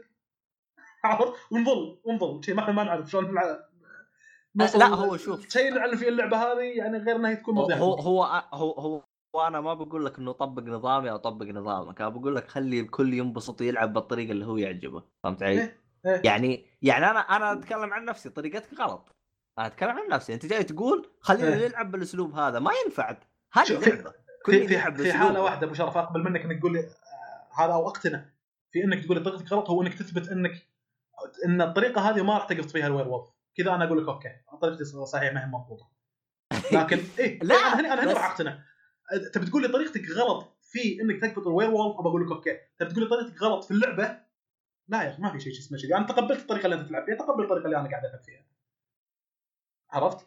ف لا أنا أنا لو أتكلم عن نفسي لو. أتكلم عن نفسي بقول لك إنك تخلي اللعبة أسهل وما تخلي كل واحد يلعب بأسلوبه مو شرط ترى مو شرط عشان كذا طريقتك غلط أنا أتكلم عن نفسي أنا أب... أنا أبغى ألعب بأسلوب أبغى أخبص أبغى أخبص كذا ليه؟ ليه طيب؟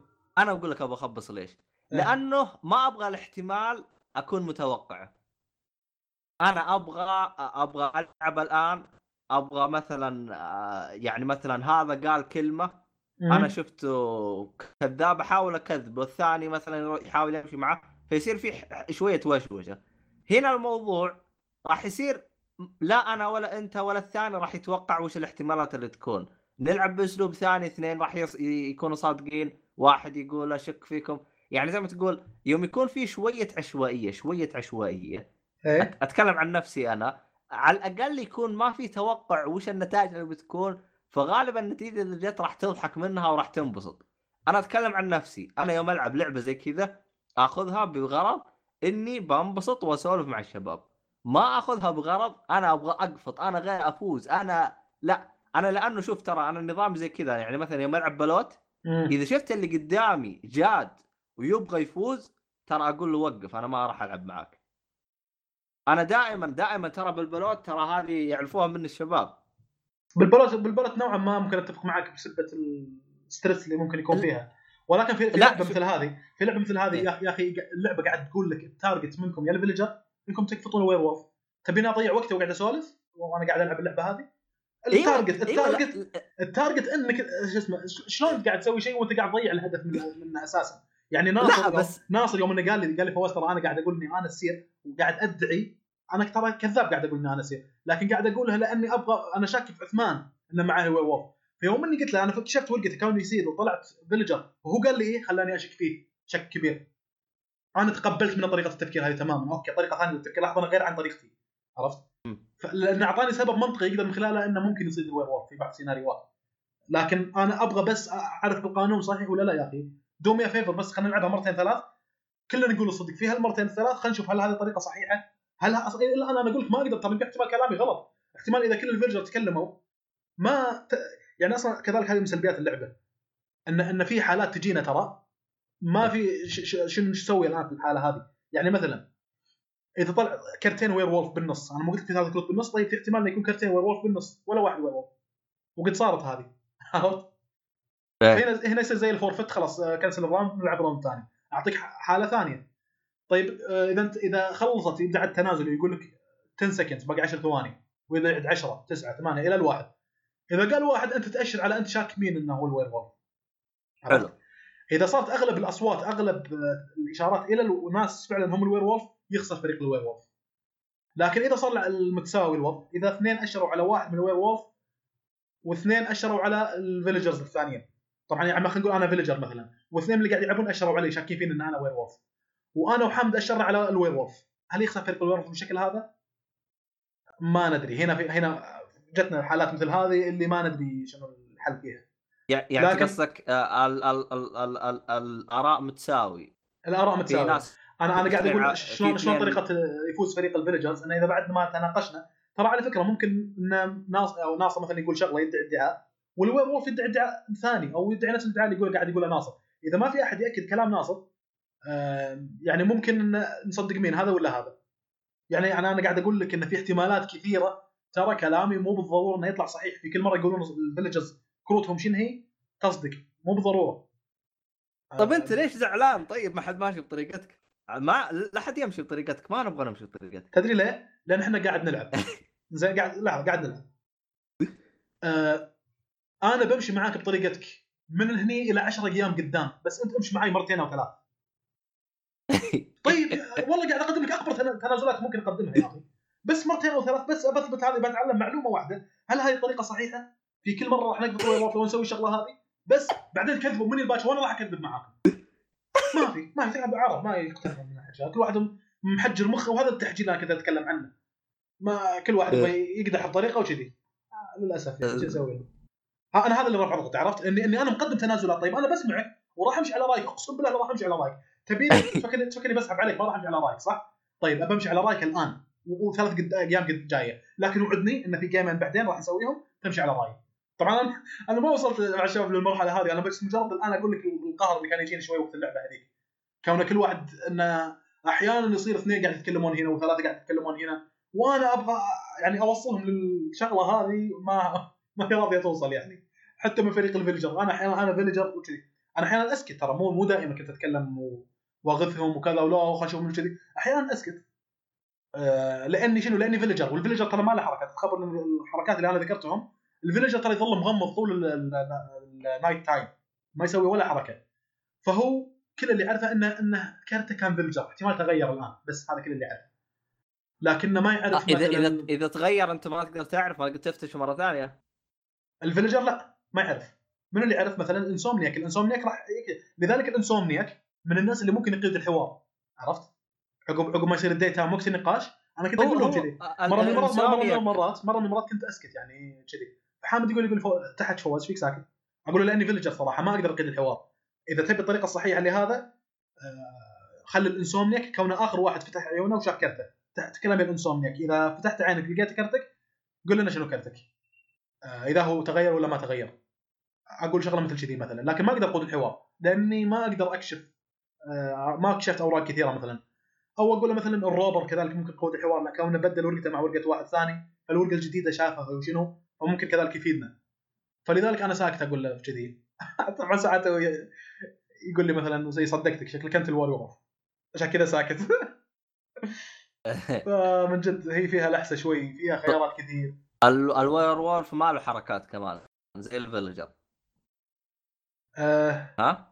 لا لا ال werewolf هو اللي يفتح عينه بس في البداية ما يغير أي ورقة بس يفتح عينه ويشوف اذا في werewolf ثاني وياه بس أيوه ما ما إيه. في حركات فقط ما في. حركات إيه. أيوه أما ال villager أبد أما ال villager ما يسوي ولا شيء بس شاف وقت ال villager يغمض طول ال night time فأنا أوريك إن أنا ترى ما كنت يعني قاعد أفرض أفكاري فرض وكذي لا إذا كنت villager مجرد إني أسكت وخلاص أسوي skip ما أقدر أقود الحوار الآن لكن إذا كنت insomniac أتحمس للفكرة اللي قبل شوي قاعد اقولها. عموما آه عشان إيه. توضح الفكرة insomniac زي البوليس أو ال sheriff في آه، المنطقة صح؟ insomniac جاية من كلمة insomnia اللي هي الأرق insomniac معناتها سهران فهو سهران فهو آخر واحد شاف ورقته شنو هي هو آخر واحد يسوي الحركة اي يعني يعني في طيب اللعبة ما فيها. شيء ما فيها sheriff آه فيها mason وفيها mason قسيس وفيها minion ما فيها شرطي على ما أذكر ما فيها شرطي ما أدري عاد إيه لأن اللعبة اللي كنت ألعبها كان فيها شرطي لا هذه ما آه. فيها. ع- طبعا أنا قاعد تكلمت عن ال default. هي ال- اللعبة ال default اسمها Werewolf One Night Ultimate Werewolf آه هذه ما فيها شرطي في نوع ثاني اللي هو ال Vampire ما أدري هل فيه ولا لا. في نوع ثالث اسمه Daybreak برضو ما يمكن في نوعية ثانية من الكروت. وعلى كلام ناصر يقول لي ترى. في في نوع جديد. طبعا هو كان يبغى يشتريها ناصر ما لقاها. يعني صراحة رحنا كذا محل رحنا الجرير جري فيه كي- ألعاب كروت كثير.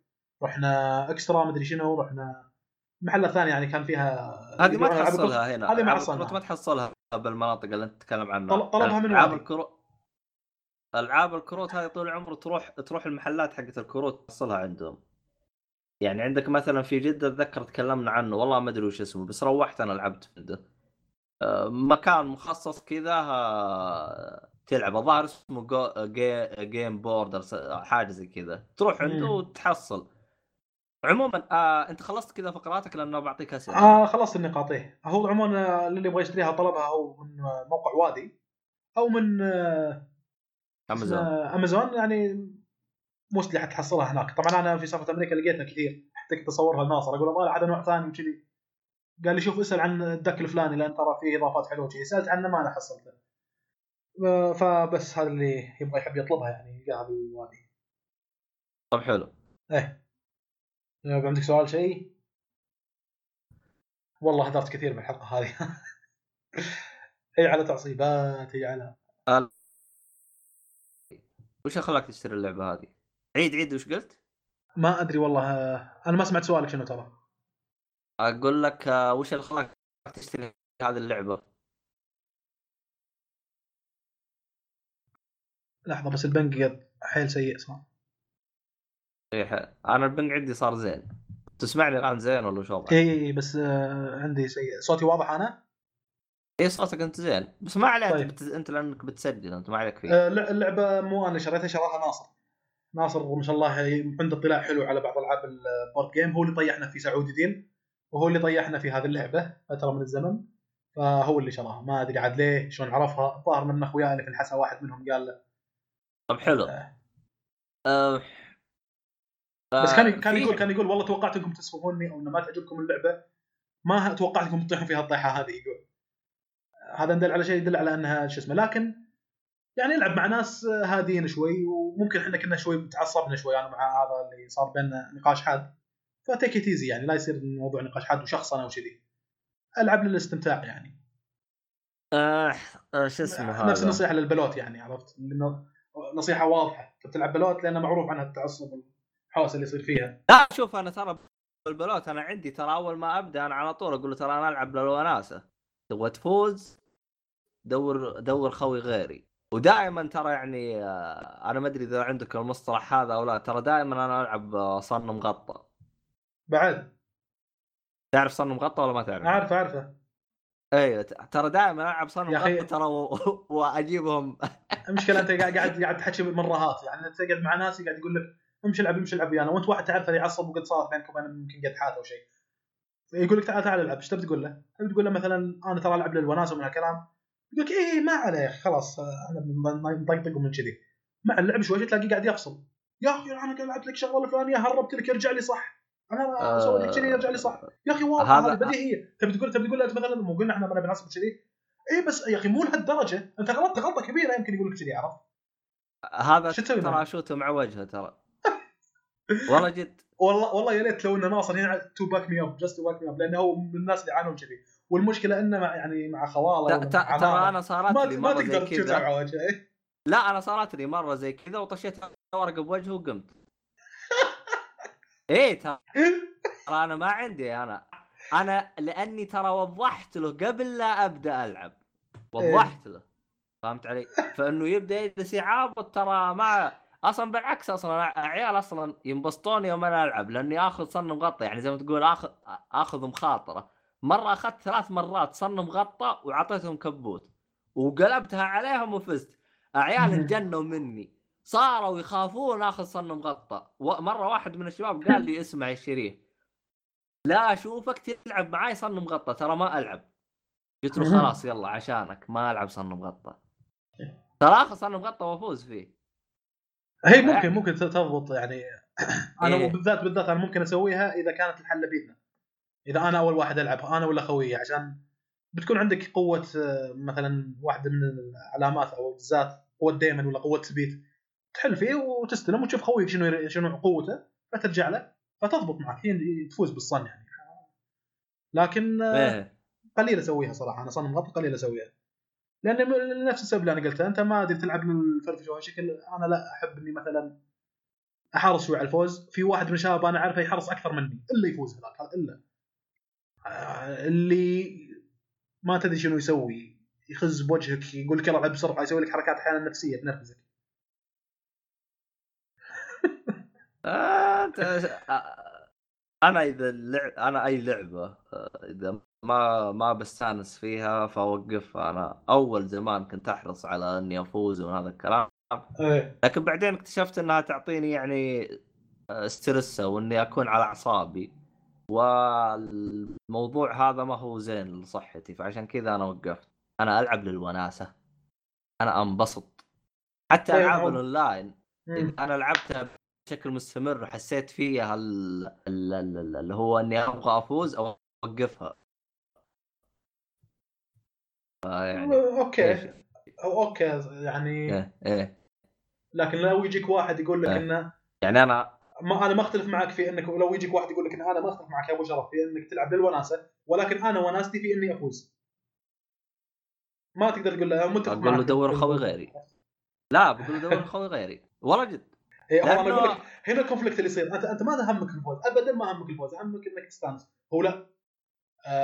همه إنه يستانس ولكن وناسته بالفوز هنا ال conflict هو- اللي أقوله يعني.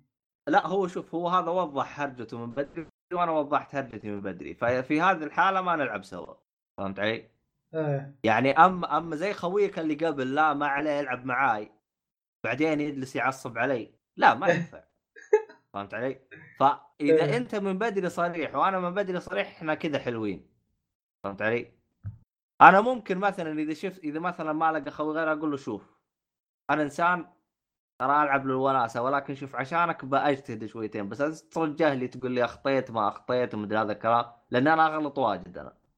امم تقبلني خوي يلعب معي زي كذا أهلا وسهلا ما تقبلني قول له الباب يا خوي.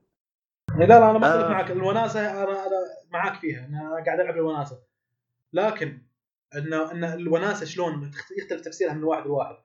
الواحد. إنه بالطق- بالطقطقه والضحك صح؟ في ناس كذي بالبلد بالطقطقه والضحك والنقزات والحركات هذه. الواحد ثاني الوناسة عنده إنه يفوز. واحد ثالث الوناسة عنده إنه يعصب تخيل. في ناس ترى يعصب تلاقيه صارخ مش بس مستمتع. قال هذا غريب هذا شلون كذي؟ لكن في كذي. حتى يورون كيف. ذكرتني في بعض المقاطع اللي يسوونها خلاط. برنامج على اليوتيوب الخلاط. تشوف ناس إيه. انه يستمتعون يستمتعون بحركات غريبة إنه يدق اكتك بسبعة حكم.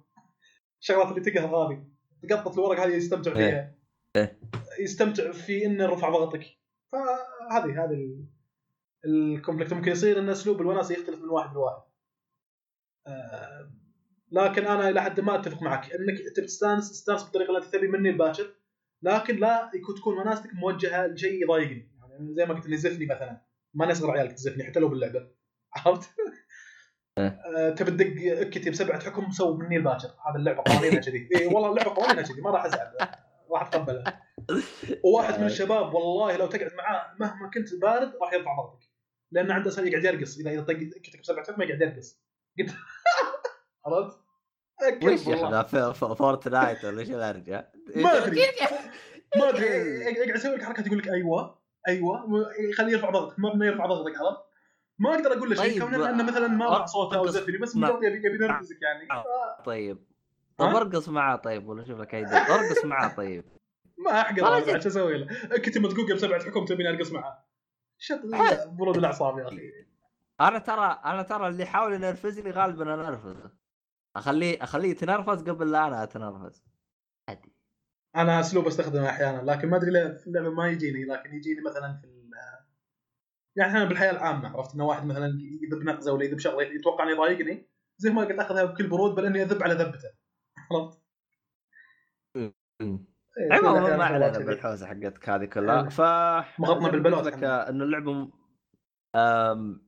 عموما يعني إذا إذا كان تبي نصيحتي أنا هذه أشوفها حركة طيبة. أنا إيش مشكلتي مع ألعاب ال board. آه، اشتريت أنا كم ألعاب board. اكتشفت إني مثلا ألعبها مرة مرتين ثلاثة فاكتشفت إني يعني راح أعرفها الآن أعرف قوانينها كاملة. آه، لعبناها خلينا نقول 40 مرة. خلاص مم. بعدها ما راح نلعبها. يعني عندك سعودي deal اشتريناها لعبناها اكتشفت انها اللعبة تحتاج شوية ورق زيادة. اشترينا deck زيادة لكن الدك هذا طلع اكتشف انه في أشياء ناقصة والنظام حاط تحتاج تشتري أكثر من دك عشان تقدر توازن كمية أوراق زينة ومن هذا الكلام. إلخ إلخ إلخ. لكن يعني لعبناها لمدة مثلا أسبوع بعدها اللعبة مو... ما زالت موجودة عندنا ولكن ما حد لعبها لأن طفشنا منها. فأنا هذه بعد سلبيه بسيطة لبعض ألعاب البورد بعضها. مم. عندك مثلا لعبة مونوبولي. لعبة مونوبولي أنا كنت ألعبها من وأنا في المتوسط يعني ما يقارب 12 سنة حاجة زي كذا. إي قديمة هي. 12 سنة من أقدم- 15. من أقدم أيوه ألعاب يعني يعني إيه من من الفترة هذيك يعني وأنا ألعبها من فترة فتره زي كذا. الإشكالية إنه لعبة مونوبولي حتى يومنا هذا ما عمري خلصتها. يعني ما تخلص. طويلة وتشتري بيوت إيه، شنو. ط- نوصل نوصل الفترة نوصل الفترة ان نطفش ونقول خلاص قفل الموضوع ومع السلامه فهمت علي؟ إيه. أم، اشتريت مثلا لعبة مونوبولي واحدة ثانية اللي هي يعني زي ما تقول نظام الحديث لها ال modern تحديث جديد مم. لها إنك اللعبة تخلصها في خلال 15 دقيقة آه، نظامها مختلف نظامها فيه برج. يعني مثلا أنت مثلا تملكت ماكدونالدز. في ماكدونالدز كنتاكي زي كذا نفس اللعبة. ففيه برج. فهمت علي؟ إيه. أول واحد يخلص البرج هذا يعني يوصله للأخير يفوز. بس هذه هي. إنك توصله للبرج ما تأخذ منك ربع ساعة. حتأخذ يعني نقول ثلاث أربع لفات وال game مخلص. ما عجبتني. ليش؟ ال game يخلص بسرعة أسرع من اللازم. فهمت علي؟ إيه. يعني أنا أبغى أنا أبغى شيء بين إنه شوي يعني مثلا ياخذ ساعة مقبول ما ياخذ 15 دقيقة يعني أحس ال game يخلص بسرعة آه. آه فيعني الموضوع شوي آه، ألعاب ال board أنا تعجبني ليش؟ فيها جمعة يعني الجمعة هذه صعب تحصلها لكن آه، مم. مشكلتها الجمعة هذه يعني ما تلقاها على طول يعني مثلا إذا كان الان في بريطانيا آه عند آه عندي أخواني اثنين عندي واثنين كل واحد بديره ثانية يدرس فيعني فما تلعب صغار زي أول. يبغى لها ما إحنا عدد. اي ما إحنا صغار زي أول كنا متجمعين ببيت واحد. يعني الحين كل مية بديره فهمت علي؟ إيه. آه هذه واحدة من سلبيات البورد صراحة يعني. لكن لها متعة لها متعة. والله والله هي هذه السلبية إلى حد ما. يعني ممكن توصل الحد الأدنى إذا صارت في جمعة الشباب في استراحة نفس نظام الشباب الاستراحات اللي هنا في الرياض. غالبا ترى في. ال weekend يتجمعون شو أقول لك عشرة. يعني خبر مرة من المرات حتى جنجا لعبناها السخيفة هذه. اللي يحط آه، خشبة ويحط خشبة ثانية بس لا يطيح المبنى. كنا نلعبها هناك. آه، فيجمعون ما شاء الله عدد 10 15 شيء كذي. فهنا آه، تضمن. يعني جو هدي اذا أنت ودك إنك تلعب مع شباب وأنت عندك استراحة وكذي. آه، ممكن تطق لك لعبة من الألعاب هذه تحطها هناك اركنها على جنب كل weekend تلعبها مع الشباب حق الاستراحة أو في حالتنا اللي في الشرقيه عندنا سرداب إحنا نفس حالة الاستراحة الشيء اللي حق الجامعة حق ال weekend يعني. ويصلح بش- بالطريقة هذه يعني. إيه هو هو حركتك هذه آه، يعني هذا لا أنا أول زي كذا يعني كنت ألعب ال- البلوت وفيه نلعب يا أخي والله نسيت إيش اسمها خلي لك سجن تطلع من إيه. السجن وت- وتفر والله نسيت إيش يقولونها. أونو. عبشه ما أدري ما أدري. أونو. أخي والله لا سهلة هي هذه، هي كل- حلوة. هي المشكلة هي المشكلة كل منطقة لها اسم. وزي ما قلت أنت أونو بس المشكلة أونو لها قوانين مختلفة من هذا الكلام. مم. فيها اللي هي آه، ضا- ضامنة. إيه. هذه شعبية حيل. الأونو الحلو فيها إن قوانينها سهلة وإنها يعني نسبة إنك تغلط فيها بسيطة جدا ما لأن قوانينها سهلة إنك تلعب إيه. آه، اسحب أربع أوراق يعني تجبر خصمك إنه يلعب اللون الفلاني إذا ما عنده يسحب ورقة. سهلة سهلة جدا طفولية قوانينها يعني ما هي صعبة. إيه. فلذلك ما يصير فيها ضغط و stress نفسي مثلا البلوت ولا الثانيات هذا أحد الجوانب أنا كنت آه، انطباعي عن الاونو انها شيء حلو عرفت؟ اللي خلاني كذي. بينما أحيانا لما تقول لي تعال ألعب بلوت أشيل هم ان أحيانا راح لو غلط راح يرتفع ضغط بعض الناس وكذي. فمن جد جانب النفس النفسي هذا جانب يعني إنك الأخلاق خلينا نقول بشكل عام مهم في ألعاب مثل هذه. ما له داعي إنك إذا فزت قاعد تقهر خصمك مثلا. ما له داعي إذا خويك سوى غلط تقعد ترفع صوتك ولا تزفه ولا شيء كذي. آه، كل هذه الشغلات المفروض إنها تنوخذ يعني تيك ايزي أنت قاعد تلعب عشان تستانس. لا هو شوف بس يعني أنا بسوي زي زي, زي قانونك صراحة. اللي أنا وناستي في اني نلعب ونطقطق بهالشكل تبي تقعد تصارخ واذا وإذا وناستك بالصراخ بهالشكل مع نفسك. أنا ما يلعب. أسوي مثل قانونك صراحة. آه، هو أنا القانون هذا ترى من بعد ما سويته عيال صاروا رهيبين. صاروا خلاص. هذا إيه. الشريف جاي يلعب خلاص. إحنا وناسة أنا يا جماعة. سوي اللي يعجبك. اغلط. ق- آه، وش يقولوا له إذا تبغى إذا تبغى قاطع؟ عادي. إيه. يقف نقفطك قاطع أحيانا ما نقفطك ونجلس نضحك عادي الوضع وناسه يا صاحبي لأنه لأنه يعني أنا مثلا واحد من الشباب جاء عندي قال طب إيش أنت ليش ما تلعب يعني ليش ما تبغى تفوز؟ قلت له الحين أنا الآن مستعد أنا الآن ألعب معك لعب جدي وأفوز هل بكسب 100 مليون؟ هل بكسب هدية في في شيء من راهن عليه؟ قال لا قلت أنا ما بكسب غير التراب خلاص خلينا نلعب على وناسة أنا وش بكسب أنا إذا فزت؟ في شيء عشان أكسب عليه؟ قلنا إحنا لا أنا لو حطينا مثلا فلوس ولا شيء صارت آه، آه، شو اسمه؟ قمار ما تنفع هذه الحركات. آه، يعني قلت له يعني إحنا ننبسط. المهم عاد ما علينا بالاشياء هذه. ألعاب البورد بالنسبة لي أنا أتذكر أخوي من أمازون كذا طق له فترة ومن ضمنها اللي هي لعبة مونوبولي هذه اللي أقول لك عليها حقتها اللي هي تخلص بربع ساعة. آه الإشكالية إنه اكتشفت إنه بعض الألعاب ماش ما هي هذيك الزود. فصراحه بالنسبة لي أنا أحلى حل إذا كان تبغى تقرر إن اللعبة هذه حقت الألعاب ال board هذه زينة أو لا آه، شوف لك آه، من المحلات حقت ال board. في إيه. في محلات زي, زي اللي بجد والله تكلمت عنه أنا زمان بس إني نسيت وش اسمه. في آه، هذا أنا- حتى عندنا بالشرقيه في محل مثل كذي. إيه. اللي اللي عنده إيه، ال board هذا- تق- تقدر تلعبها عنده حتى إنك تشوف هل هي ممتعة ولا لا. أيوه تجلس تاخذ لها تجربة. الإشكالية إنه في بعض ألعاب ال board يعني تا- تلعب مرتين حلو لكن إذا بعدين تقول خلاص يكفي لا تكثر منها لأن اللعبة ما هي بذاك الزود. حقت يعني مرة مرتين بعدين مع نفسك. إيه. فصراحة في ألعاب كثير يعني تكينا أنا والشباب وجلسنا نلعب من هذا الكلام واكتشفنا أن اللعبة أبو كلب يعني ما تنفع. إيه. لا لانها آه. كمية كبيرة جدا ترى يعني. مح- المحل اللي في جدة. ما أدري إذا هو كان محل ولا أكثر من محل لكن في محل دخلته أنا. إيه. آه، يوم كنت رايح عمرة. بعد إيه. ما خلصنا قاعد تتمشى بجدة وهالشكل آه، يمينك جدار كلها board games يعني هذه يوريك كمية ال- الألعاب ال board المتوفرة. يعني أضف إلى ذلك إن في group تع- تعرفت عليهم هني كنت أطلع والله نلعب آه، ألعاب board game ولعبت كم لعبة يعني مثلا ايبك واحدة من الألعاب اللي يمكن لعبناها. لعبت لعبة اسمها Resistance هم آه، كانت حليوه بس بصراحة بالنسبة لي Werewolf أحلى أحلى منهم. Werewolf قابل إنك تستمتع فيها زي ما قلت لكن حاول انك قدر المستطاع أنكم تديرون النقاش وانه يكون النقاش آه، هادي كذي. ممكن at some point إنه بسبة إن كل واحد عن طريقه تفكير تختلف مع واحد من الشباب فيعلى الصوت. بس هذه هذه مو الشغلة الوحيدة. اللي إذا قدرت اجسمت ولا اللعبة ترى ممتعة. يعني مرت فترة طويلة إحنا كنا نلعب فيها نقعد عليها ثلاث ساعات شيء كذي. قعدات طويلة.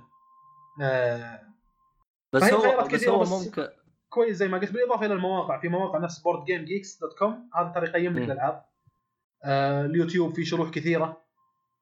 توريك آه شو اسمه. يعني لعبة انت ما- محتار ما تدري تلعبها ولا لا. خش على اليوتيوب شوف الناس كيف يلعبونها شوف قوانينها شوف حتى إنها تناسبك ولا لا. تذكر شيء ولا؟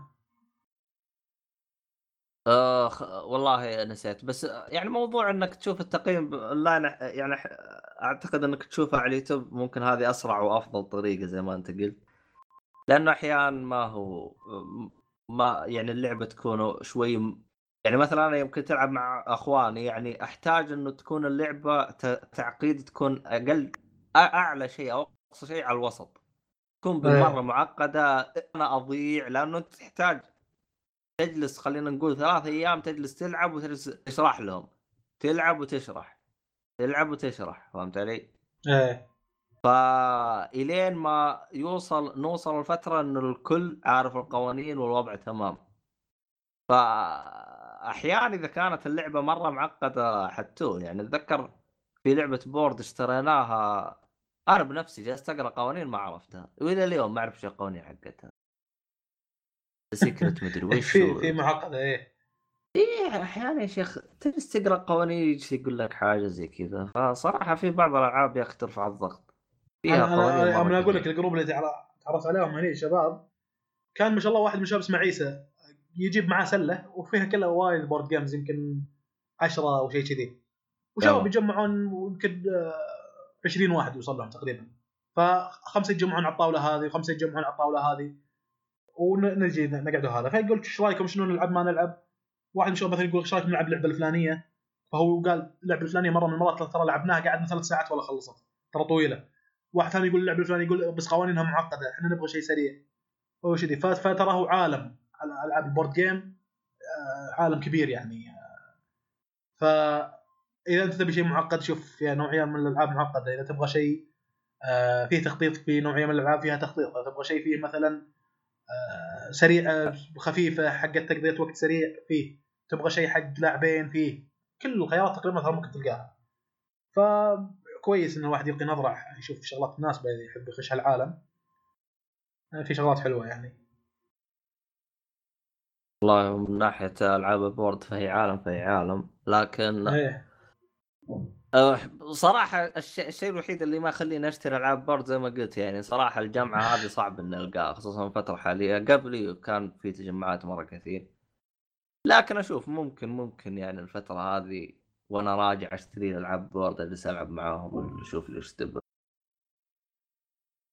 فيعني حلو حلو هذا ه- آه. هذه تقريبا كان تفاصيل ألعاب ال board من الكلام هذا كله ما أدري في شيء بعد عندك ولا تبي ننهي الحلقة؟ طولنا شويتين والله أنا أنا اللي عندي اعتقد خلصت يعني كانت حلقة شوي مملة لأنها كلها ألعاب board ما عليه.